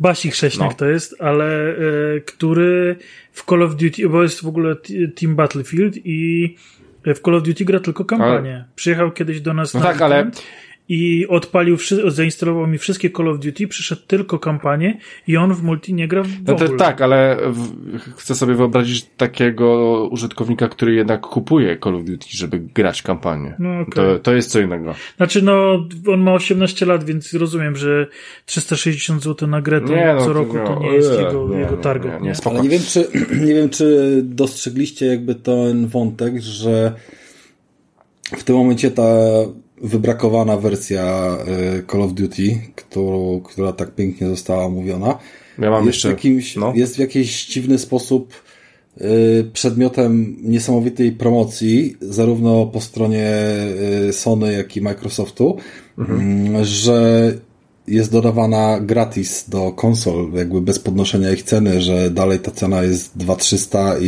i Call of Duty jest gratis, a nie na zasadzie zestaw za 2600 i a faktycznie. Jest teraz rację. taka promocja, jakby tych konsol się dalej sprzedaje, no nie wiem, można przyjąć, że takich zestawów się może sprzedać milion tu, milion tam, czy, czy coś takiego, no bo jakaś ta sprzedaż jednak idzie. Mhm. Yy, i, wiesz, ktoś dograł tego deala, ktoś dograł tą, tą. To nie jest tak, że Sony stwierdziło, że a, to oni zapłacą za milion kopii Call of Duty, a Xbox to jeszcze, wiesz, skopiował i powiedział, a my też zapłacimy, bo i tak, kurwa, niedługo damy za darmo do Game Passa. Tylko tam chyba była jakaś świadomość tego, że to jest yy, takie półmiękkie gówno, nie? W, w, nie? Nie do końca jakby wiesz, nawet właściwie śmierdzące i, i po prostu, że zróbmy z tym coś innego i, i wrzućmy to gdzie się da, nie? E, być może tak jest. Ja w ogóle mam pytanie do Tomka, bo Tomek powiedziałeś, że to miało, to miał być dodatek, tak? Tak. A skąd tak. taka informacja, że to miał być dodatek? Jak to najnowsza część Call of Duty to miała być dodatek? W ogóle nie, nie ogarniam. Skąd to w ogóle? No, z rok temu, no. rok temu, przy okazji premiery Modern Warfare 2, oficjalnie Activision powiedziało, mhm. że przechodzi na cykl dwuletni Aha, z rocznego okay. i że w przyszłym roku nie będzie pełnoprawnej części Call of Duty. Tak, natomiast, żeby coś, ludzie coś... dostali świeży content, to wyjdzie dodatek do Modern Warfare Dobra. 2. E... A potem bez żadnego tłumaczenia zostało nam zaprezentowane Modern Warfare 3 jako pełnoprawna okay. część. E... Bez w ogóle Czyli... jakiegoś cofamy swoje zdanie, tak, tak, tak. zmieniliśmy zdanie, cokolwiek. Nie, tylko macie Modern Warfare 3 i ono kosztuje 360 kupujcie. E, badają rynek też, to na pewno, e, czyli to, to, co, to o czym myślałem, że Alan Wake, tak samo tutaj e, brak, brak pudła, tutaj badają rynek, czy czy użytkownicy, kochając tak tą markę, są w stanie zapłacić po prostu za mocne DLC? E, no, zobaczymy, jak pójdzie ta sprzedaż, ale wcale się nie zdziwię, jak to będzie najlepsza sprzedaż w historii w ogóle, przy mm, najmniejszym nakładzie w historii, jeżeli chodzi o Call of Duty. E, to jest ciekawe. E, zobaczymy. Ja w ogóle, e, ja miałem taką, e, ja miałem taką, e, e, o Boże, no brakuje mi słów, no brakuje mi słów. E, teorię spiskową, to chciałem powiedzieć, że po prostu nie wyrobili się z tworzeniem tej części i skrócili kampanię, żeby zdążyć na premierę, bo patrzcie, że to jest po prostu gra, która zawsze wychodzi w listopadzie. Co roku wychodzi w listopadzie. Assassin przestał wychodzić w listopadzie. E, Boże, e, co roku, tak? Oni, oni w pewnym momencie już co roku nie wychodzili. E, no i w sumie tam nie liczę gier sportowych, bo to jest update składu i lekka zmiana w gameplayu, ale jeżeli chodzi o Call of Duty, to Call of Duty dalej wychodzi jako jedna z nielicznych, dalej co roku mamy te części, więc, e, więc po prostu no właśnie, myślałem, że coś się zjebało, ale już ale już zmienili zdanie i byłoby fajnie, gdyby to wyszło jako dodatek mm. za połowę tego hajsu, nawet jakby wrzucili tą kulawą kampanię i te odświeżone mapy, ale za połowę hajsu no tak, jako tak, dodatek. Tak. Nie, e, oczywiście, że tak, zgodzę się z tobą. Faktem jest, że na pewno jeszcze wrócimy do Call of Duty Modern Warfare 3, po tym jak e, Tomek dostanie pełną wersję, jak pogra, zobaczy te zombie, i powie tak, o kurwa, ale zombie jest takim sztosem, że ja mogę nawet i 500 zł dać. Zobaczymy, więc e, na razie po, kam po kampanii... Jeżeli Tomek tak nie powie, to raczej do tego nie wrócimy, jak znam życie. E, nie, myślę, że kiedyś, wcześniej czy później na pewno o tym powiemy, bo lubimy Modern Warfare, Rafał nie lubi, e, jebać to. Dobra, e, idziemy dalej, temat główny, e, czyli Phantom Liberty, więc e, na pewno teraz przekażę głos Rafałowi, więc e, Rafał miał tą przyjemność, że najnowszy dodatek do Cyberpunka miał ustawioną na zajebiście super hiper detale, że w ogóle wszystko się świeciło jak psu jajca, w ogóle psu jajca też się świeciły, wszystko się świeciło, bo miała RTX-a na maksymalnym poziomie, e, więc Rafałku mój drogi, pamiętam jak Cyberpunka oceniałeś na, u nas na podcaście, i dałeś taką e, bardzo, e, bardzo kontrowersyjną ocenę 10 na 10, więc wjeżdża dodatek, więc ja będę miał też do Was pytania, czy ten dodatek na, naprawdę zmienia tak dużo, że ten cyberpunk już teraz powinien spróbować każdy. Czy cyberpunk jest grą lepszą niż Wiedźmin?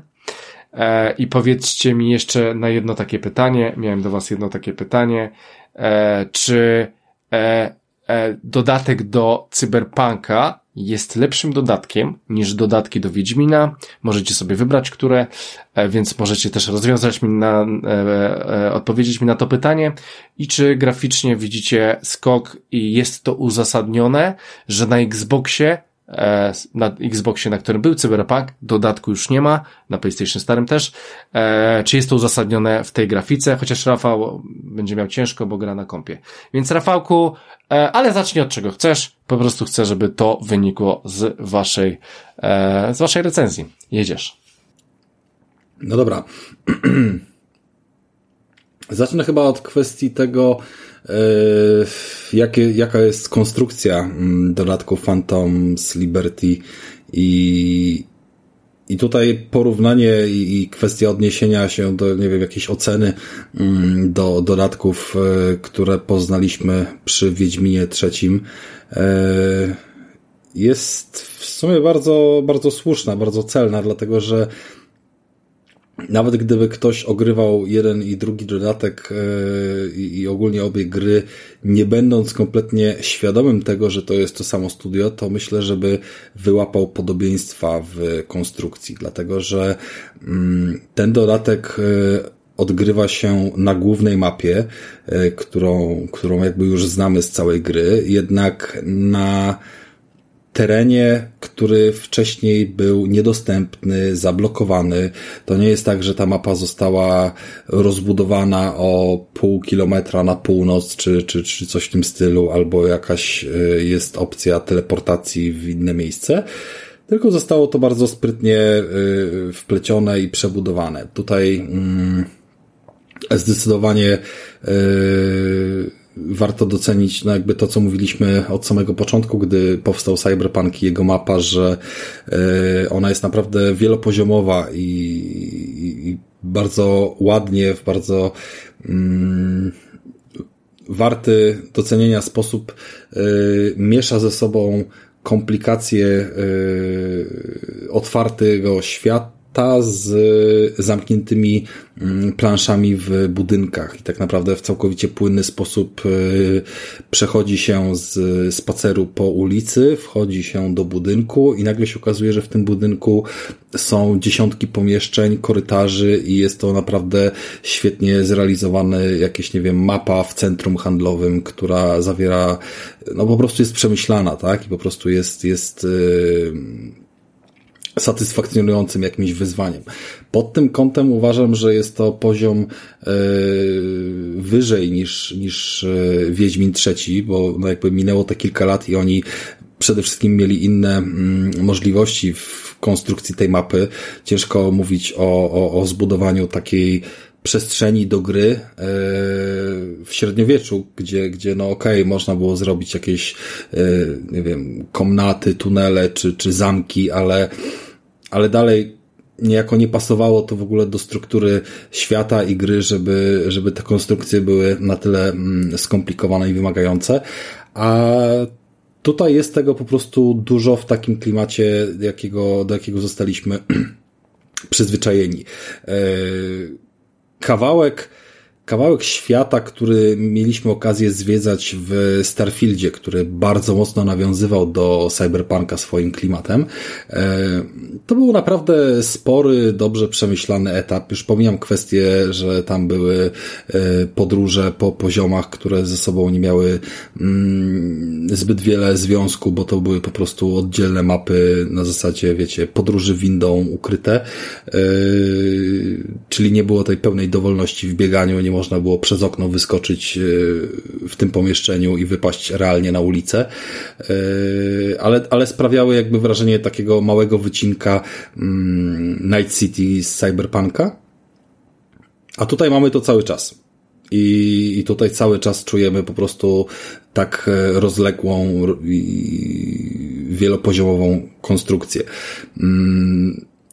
Mapa, którą przychodzi nam zwiedzać w tym dodatku, to jest tak zwany Dogtown i to jest zamknięty obszar, yy, który sprowadza się do, do, do stadionu, który sam w sobie jest ogromną konstrukcją z mnóstwem korytarzy, przestrzeni i, i, i, i terenów, yy, które dookoła możemy zwiedzać i całej takiej dzielnicy handlowej, która krótko mówiąc jest zamknięta przed resztą świata, nie ma tam wstępu policja i, i zwiedzamy to sobie yy, całkowicie jako zamknięte miasto wewnątrz innego miasta. I to daje też zupełnie innego. Znaczy, policja ma wstęp, tylko nie ma ochoty tam wstępować. No, oczywiście, że tak. I w sumie wiele razy jest e, powiedziane, że oni inaczej, oni mają własną y, władzę. Oni mają własne siły porządkowe, które nie są tą oficjalną policją z e, Night City i tam się gdzieś tam pilnują takie rzeczy. I to słychać przez radio, słychać, gdy zaczynamy tam coś e, odpieprzać. Nawet jest różnica w kwestii tego, że jeżeli zaczniemy robić brzydkie rzeczy i, i, i mm, jakichś tam zwykłych przechodniów e, atakować, to standardowa policja z Night City reaguje w sposób w konkretny sposób, tak, jeżeli chodzi o reakcję, tempo tej reakcji i jej agresywność, a tutaj też się coś pojawi, ale w takim stylu właśnie e, dzikiego zachodu, że tam są jakieś hałasy, idźcie kurwa zobaczyć, co się dzieje i, i, i przychodzą te, wiecie, e, szeryfostwo samozwańcze, które, które w jakiś tam sposób e, dzięki pewnym siłom jest, jest pod kontrolą, ale to nie jest policja jako taka. E, więc jednocześnie czujemy cały czas ten klimat, ale to jest taki dziki zachód wewnątrz, e, no, no wiecie, gdzie tak jak 13 dzielnica, nie? Czy, czy coś w tym stylu. Mm, takie klimaty, że, że, że coś tam zostało przejęte po prostu na tyle, że, że stanowi e, Watykan w Rzymie. No, to, to jest w sumie dobre porównanie. Więc z takim światem mamy do czynienia. To, że to zostało tak płynnie wrzucone do całego miasta i yy, możemy spędzać tam długie godziny, a jednocześnie moment wyjechać sobie z powrotem na doskonale znane nam ulice i robić innego questa i to się odbywa, wiecie, wszystko płynnie, bez żadnego wczytywania, z pełnym dopasowaniem yy, jakby fabularnym, że tam przejeżdżamy przez jakąś śluzę i patrzymy, czy nie wy, wywozimy żadnej kontrabandy i tak dalej. Jest to tak spójne, jak tylko może być. I to jest e, odpowiedź na pytanie w kontekście tego, jak ten dodatek e, dużo niesie ze sobą tej wartości. Bo oczywiście fabularnie jest sztos na temat fabuły, też nie chcę się za bardzo rozwodzić, e, poza tym, że ona jest naprawdę wciągająca, fajna i, i w gruncie rzeczy mi się podoba, że ona jest w środku tej historii e, całej naszej, którą przeżywamy, e, przeprowadzona, a nie, nie na zasadzie po wszystkim, jako alternatywne story. Mm, bo co do tego też spotykałem się jakby z mieszanymi opiniami. Ja jestem jak najbardziej za tym i, i uważam, że po prostu w najbardziej wkręconym momencie w grze mamy możliwość rozwiązywania więcej zadań. Nie wtedy, kiedy już czujemy, że, że zbliżamy się do końca, albo kiedy jest po wszystkim, jak to grał w Cyberpunka i zna wszystkie wątki fabularne i, i to, jak one się kończą, e, co zyskujemy, a co tracimy, to, to wie, że to by miało dużo mniej sensu. E, umieszczenie rozgrywki na przykład po endgame'ie jako, jako jakiś dodatek. No chyba, żeby była całkiem inna koncepcja, nie wiem, inna postać i tak dalej, ale, ale tutaj zyskujemy po prostu dużo. Zyskujemy Mikołaja, który nam towarzyszy przez całą grę. e, Mikołaja z metalową ręką w nowym outficie. Mm. Mikołaj jako Johnny Silverhand wygląda super, ma mnóstwo dogranych dialogów i, e, i naprawdę się postarał. Możemy teraz też jakby przyznać oficjalnie, że, że, że to tam są pieniądze, które, które zaczął zarobić i dlaczego nas porzucił. Natomiast no nie wyobrażam sobie, żeby, żeby tego miało nie być. To jest integralna część. Johnny Silverhand jest integralną częścią Cyberpunka, jest jego y, tożsamością, jest naszym wiernym kompanem, jak y, wiecie, Clank w Ratchetie i, i, i szereg innych tego typu y, buddy movies i, i buddy games. I po prostu tutaj również tak to musi wyglądać. Nie gralibyśmy w The Last of Us, gdybyśmy nie ciągali ze sobą Eli przez całą grę i nie gralibyśmy w Cyberpunka, gdybyśmy nie ciągali ze sobą Johnego przez całą grę, więc nie ma innego scenariusza niż e, umieścić e, fabuły w środku rozgrywki, mm, kiedy Johnny po prostu może być w 100% sobą, e, a nie kiedy tam już fabuła sprowadza to bardziej w lewo, albo bardziej w prawo, albo coś, albo sroś, nie? No. No dobra, a jak, a jak y, oceniasz te postacie, które teraz się pojawiły w dodatku? Zwłaszcza głośne przyjście Idrisa Elby, kolejna znana, znana twarz e, z aktorskiego e, świata, e, która trafiła do gry. Wiesz co? Ja mam ja mam tak, że niesamowicie polubi, bo ty grasz oczywiście po angielsku, prawda?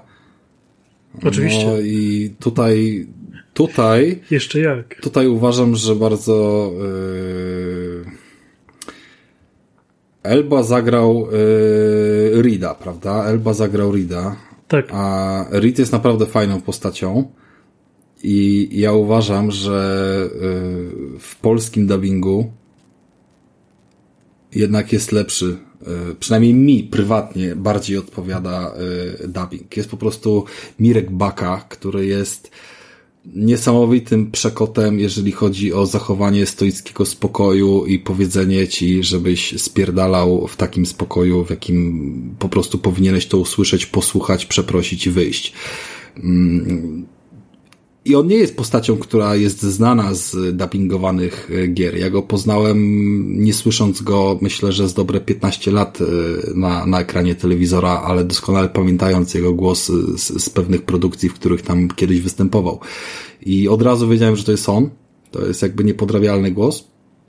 E, przez co, przez co od razu jakby kupiłem totalnie e, postać Rida i, i, i niesamowicie się wciągnąłem. Myślę, że wręcz na mój stosunek do całej postaci i decyzji, bo my oczywiście możemy być bardziej ufni albo bardziej chujem względem niego, jak to jest w RPG-u. E, I, i czułem to, że od razu po prostu przestawiło się moje spostrzeganie, nie? Na tyle, na tyle dobrze postrzegam tą, mm, może nie tyle samą grę dubbingową, bo on nie jest super specjalistą od dubbingu. Jeżeli chodzi o gry, to nie wiem, czy to nie jest jego pierwsza albo druga gra dubbingowa i to... O, nie, nie, nie, to nie, to na pewno nie. Wiesz co, ja czytałem, ja czytałem, jeżeli chodzi o Bakę, jaki on ma profil y, w, w dubbingu i nawet w sumie mogę to y, poniekąd sobie, mm, sobie odpalić i sprawdzić. Natomiast jeżeli chodzi jako aktor dubbingowy, to on odpalał się w Gdzie jest Dori, w jakimś muzeum utraconym, w Powstaniu Warszawskim, a jeżeli chodzi o grę, to ostatni raz y, w Red Orchestra Bohaterowie Stalingradu, tak przynajmniej, albo Battlefield Bad Company 2. I w grach go więcej za wiele nie było. Był jeszcze jakiś stary Splinter Cell z 2006 roku y, i Chaos Theory z 2005. Nie ma go w grach, tak jakbyśmy powiedzieli, że jest Boberek to jest niesamowicie rzadki występ, na tyle, wiesz, jakby w kontekście tego charakterystycznego głosu. Być może, być okay. może jakieś produkcje tu zostały pominięte, ale ja sam to jakby, wiesz, sprawdziłem, bo byłem zaskoczony, że wreszcie go usłyszałem, nie? No jakby w sumie znam dużo gier, zwykle gram z dubbingiem, e, Boberka poznaję, wiesz, jakby po, po pierwszej nutce, a, a tutaj jest nagle, wiesz, e, wielkie wow. E, no i Baka naprawdę mi w tym siadł, naprawdę uważam, że do postaci e, z tym swoim spokojem, to, to jak był napisany, jakby, jak jest napisana postać Rida i jak Baka w to wszedł, to, to jest świetne dopasowanie. Wiadomo, że Reed jest yy, czarnoskóry Afroamerykanin i brakuje tej głębi w głosie, którą, którą pan Mirek może tutaj zaprezentować, ale mimo wszystko jednak trzyma fason. No i niesamowicie zrobił mi ten dodatek, nie? E, jakichś emocji inne postacie aż takich nie, nie uruchomiły. Oczywiście wiadomo, mamy tam kilka e, przyjemnych, e, przyjemnych jeszcze wizytacji. Mm. No i co dalej, Tomek? No jakby chętnie, chętnie jakby dam Ci przestrzeń, żebyś jeszcze uzupełnił tą stronę fabularną. Ja standardowo zawsze mam problem, jak bardzo nie chcę czegoś komuś popsuć, zepsuć, ale uważam, że powinniśmy pogadać o ogólnym update'cie jeszcze Cyberpunka, który, yy, który się odbył przy okazji tej premiery, yy, takim techniczno-graficznym, to jak też ewentualnie o tak, innych... nazwane Cyberpunk 2.0. No, trochę tak, chyba że uznamy, że wcześniej było. Nie, nie, nie, nie, to jest oficjalnie, nie, nie, to oficjalnie jakby na, na y, tuż przed. Ja wiem, ja wiem, ja wiem, że oni tak powiedzieli. Raczej chciałem powiedzieć, że gdybyśmy oryginalnego Cyberpunka uznali jako wersja 0.6, to teraz moglibyśmy powiedzieć, że jest 1.0, nie? No, to prawda. E... E, znaczy tak, no ja w ogóle Cyberpunka przyszedłem e, pół roku po tym, jak, jak trafił yy, się update do wersji na PS5. To bardzo późno. I jeszcze, tak, tak, tak. Ja byłem absolutnie obrażony na premierę. E, tym bardziej, że grałem na trzech platformach i na wszystkich miałem e, problemy, na, na, na żadnej mi to nie, nie, nie siadało. E, bo grałem po prostu na komputerze całkiem, całkiem wypasione jak na tamte czasy. No nie tak jak twój, ale, ale no ogólnie nie było, nie, nie, nie było tragedii. E, grałem w cloudzie, e, w Google Stadia, bo też byłem ciekawy, wtedy w tamtych czasach też te usługi dopiero powstawały jak GeForce Now, czy właśnie Google Stadia i byłem ciekawy właśnie, czy te chmurowe rozwiązania dadzą lepszą jakość. No i grałem na, na, na, na PS5 w wersji e, gry na PS4, e, bo taka, taka była płytka w, w mojej kolekcjonerce. E, I no po prostu to było dla mnie uwłaczające, że tak wręcz byłem naprawdę wściekły na, na to, co oni zrobili z tą grą na premierę. I byłem właśnie na tyle zły, że nawet jak właśnie się pojawił ten upgrade do PS5, to nie byłem skłonny od razu rzucić się i wybaczyć. Ale ty wtedy poszedłeś na PC, tak? Yy, nie, no jakby. Yy, na premierę, mam na myśli premiera 2010. Na premie, nie, na premierę grałem na trzech, yy, na trzech platformach jednocześnie. Mhm. E, znaczy, no, jeżeli można nazwać clouda osobną platformą, no ale no, dla mnie był, no bo nie, nie był to mój sprzęt, tylko jakieś serwery Google. No ale to były wciąż pecety, chyba... więc jeżeli wersja pecetowa no, dawała tak, dupy, tak, no to tak. tak. samo ci na Stadii dawała dupy i na twoim pececie też dawała dupy, a z, a z, No ale no myślałem a z prostu, konsol że, na czym grałeś? ten pecet jest za słaby. E, na, na, na Playce 5. Okej. Okay. Powiem tak, no tych błędów trochę było. Obgadaliśmy to już wiele razy ja nie mogłem się oderwać od y, tej gry, pomimo tego, że jakieś tam błędy się pojawiały, ale wiemy, że przy błędach jest to jednak bardzo duża. Yy no, no, no kwestia farta po prostu, tak? Jakby przy Starfieldzie też to poruszaliśmy ostatnio, że to by się ileś tam razy gra wykrzaczyła, a ja miałem chyba tylko jedną taką sytuację. I no, czy tam z jakimiś save'ami, czy, czy, czy coś w tym stylu. I to jest, to jest ten minus jakby zawsze, wiesz, e, oceny subiektywnej. E, na PC to wiem, że kwiatki się działy jeszcze większe i, i, i ogólnie, ale tak naprawdę patrząc, patrząc wstecz z pamięcią, poza wywaleniem się gry do menu jakieś tam, nie wiem, 8 czy 10 razy na, na te 100 godzin, e, to takich stricte gliczy, nie uwzględniając lewitującego, nie wiem, telefonu komórkowego, który nie schował się do kieszeni jakiejś postaci czy, e, czy innej głupoty, to było tego naprawdę niewiele. Można było narzekać, że, że to jest grafika ze starej generacji, chodząca w 60 FPS-ach, bo, bo playka, yy, albo, albo jakieś tam inne elementy, no ale całokształtem to jednak yy, robiło robotę i, i uważam, że na tą ocenę zasłużyło. Natomiast wiadomo, że czas zawsze powoduje, że to wrażenie jest inne i dwa lata później tego samego efektu już nie będzie. Krystian już dzisiaj nie będzie miał efektu Wiedźmina trójki 2015. No jasne, nie, no jasne. Natomiast, yy, natomiast jakby to, do czego dążyłem, chciałem powiedzieć, że yy, grając nawet właśnie pół roku po tym upgrade'zie do PS5, yy, różnica między tą grą, którą miałem wtedy, a grą, którą dostaliśmy z dodatkiem, czyli właśnie tym Cyberpunkiem 2.0, no to jest y, naprawdę przepaść. Jest. E, to miasto wygląda, te, ta nowa dzielnica wygląda kozacko.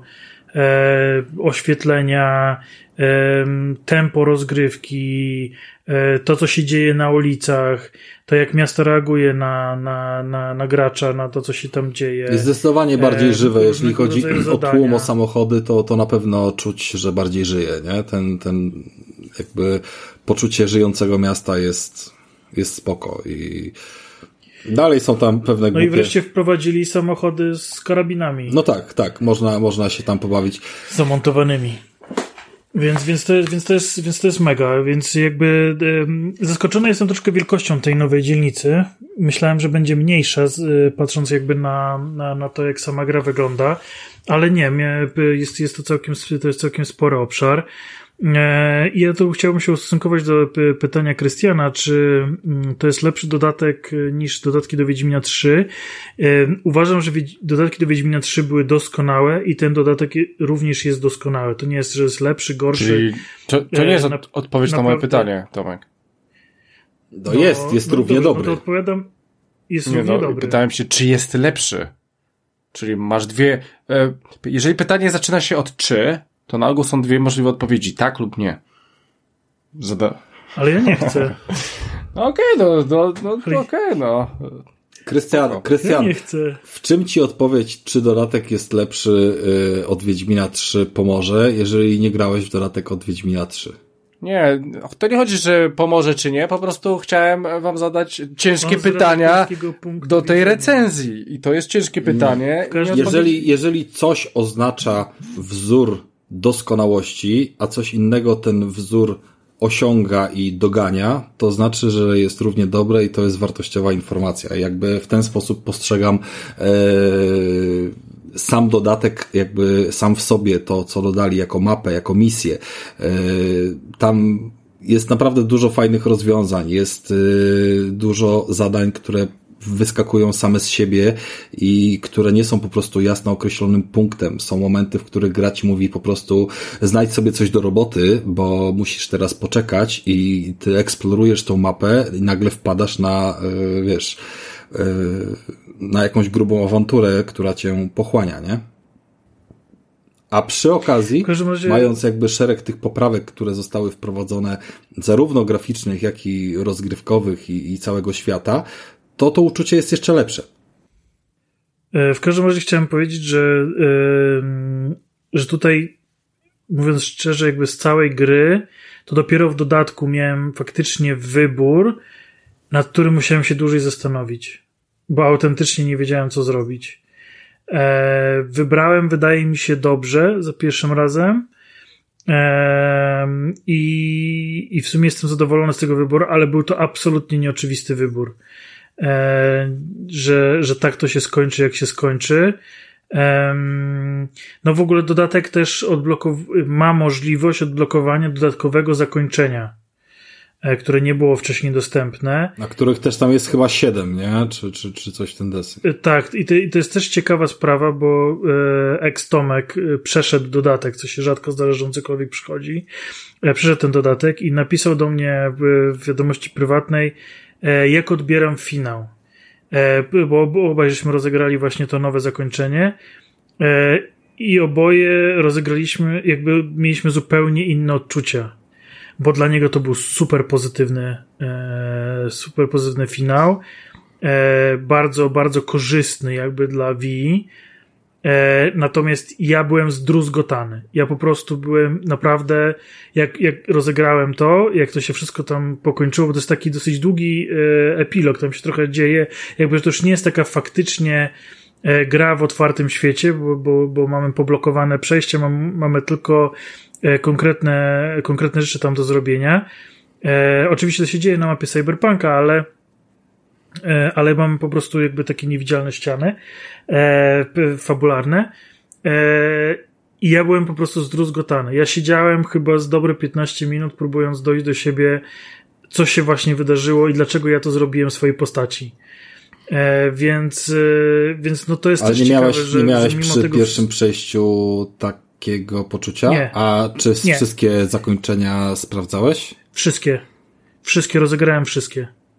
Ja mam, ja miałem poczucie już e, przy, znaczy wiadomo, przy siedmiu to jest, jest, jest spory wybór i niektóre były, mm, może nie proste, ale, ale takie dosyć yy, jasno strzelające, że idziemy w lewo albo w prawo. Natomiast y, zdecydowanie, jeżeli chodzi o, o emocji i tego, czy wybór jest oczywisty, czy nie, mm, czy wiem w jakim kierunku mnie pokieruje, jakie przyniesie konsekwencje oraz czy jestem z tych konsekwencji potem zadowolony, czy, czy z satysfakcją przyjmuję ten swój podjęty wybór, yy,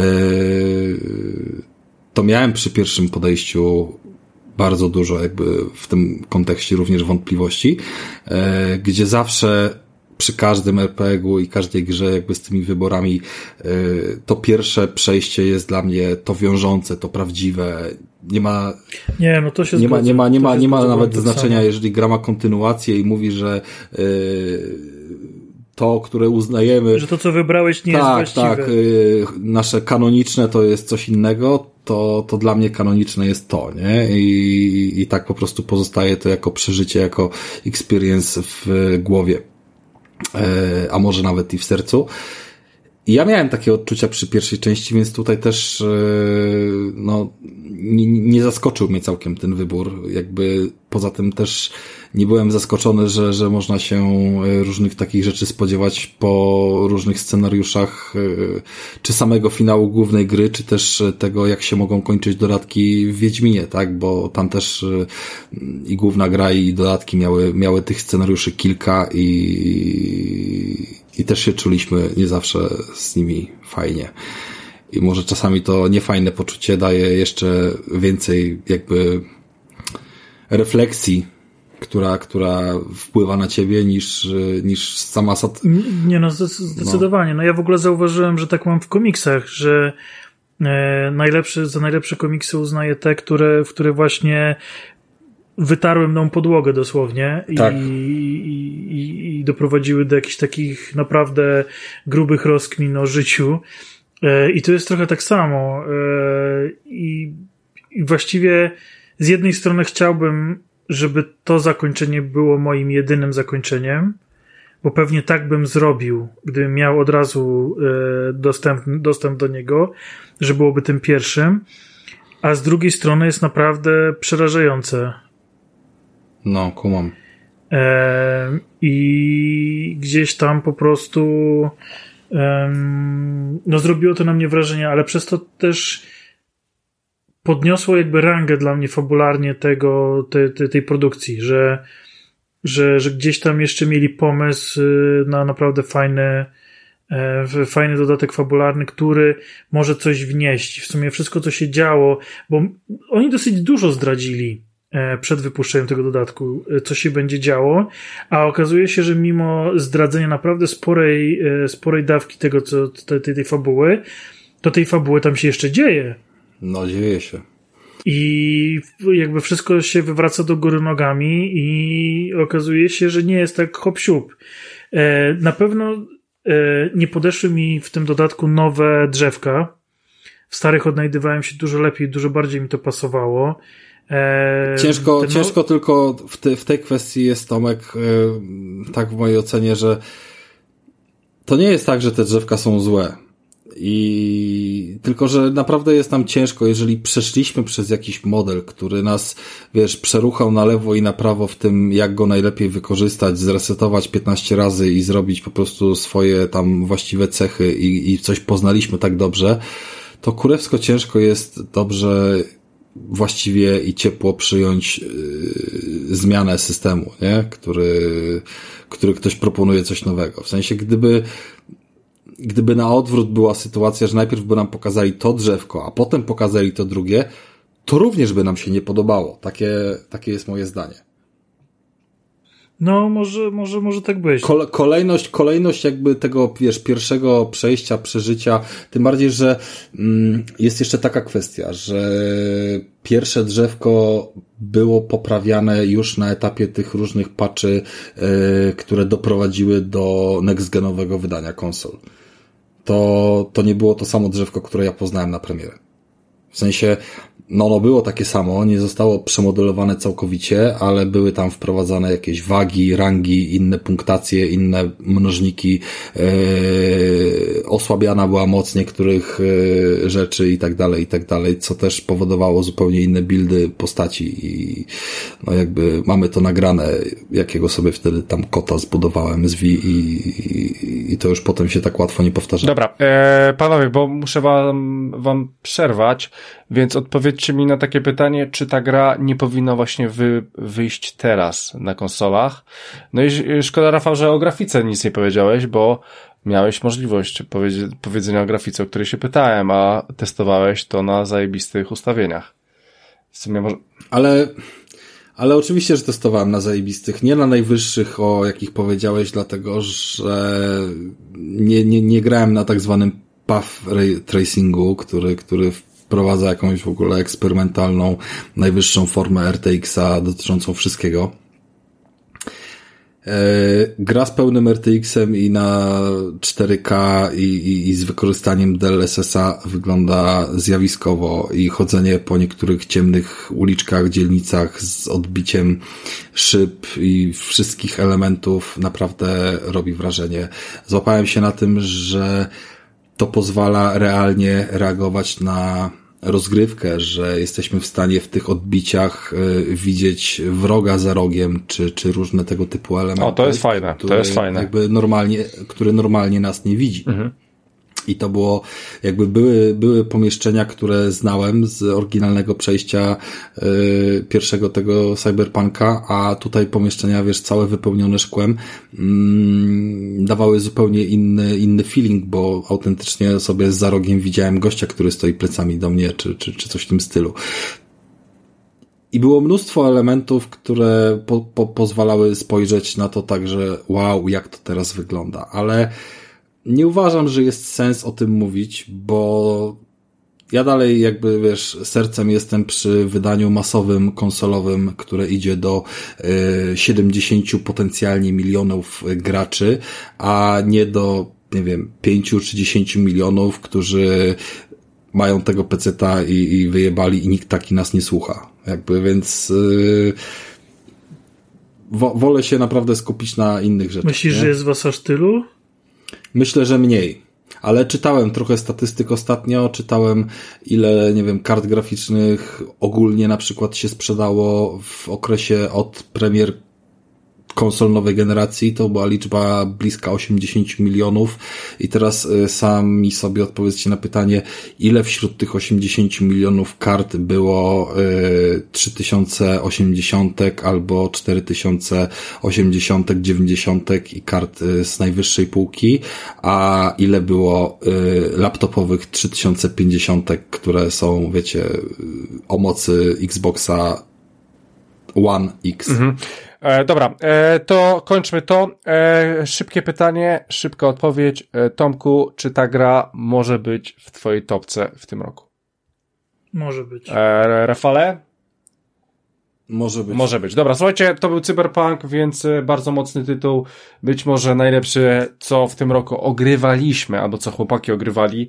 Ja na pewno chcę wrócić do, znaczy wrócić, ja chcę zacząć te, ten świat, szczególnie teraz, że wiem, że to teraz wygląda super, działa zajebiście. No teraz to uważam, że Krystian to jest po prostu wiem, najlepszy wiem. moment, żeby całość przygody tak. przeżyć łącznie z tym światem, bo ona jest kompleksowa, naprawdę kompletna. No i właśnie mam to na uwadze i mam tego Cyberpunka w tyle głowy głowy. Zobaczymy, jak będzie. E, dobra. Tomek, chodź, chodź nagramy kolejne trzy odcinki bez niego, wyrzucimy go i po prostu wróci, jak przejdzie. Tak, czyli, okay. czyli nigdy. E, dobra, słuchajcie, będziemy kończyć ten 249 odcinek. E, standardowo wchodźcie na bezimienny.pl, tam rzucamy odcinki, mamy grupę facebookową, e, wchodźcie też na grupę facebookową, chociaż tam mało się dzieje, ale coś się dzieje. E, oczywiście e, YouTube, Spotify, tam jesteśmy, nowa ankieta, zobaczcie sobie nową ankietę, pewnie jakieś pytanie tam jest. E, nie wiem jeszcze jakie. E, I. E, ja wiem, jakie jest pytanie na następny odcinek. Mm. Znaczy na ten odcinek.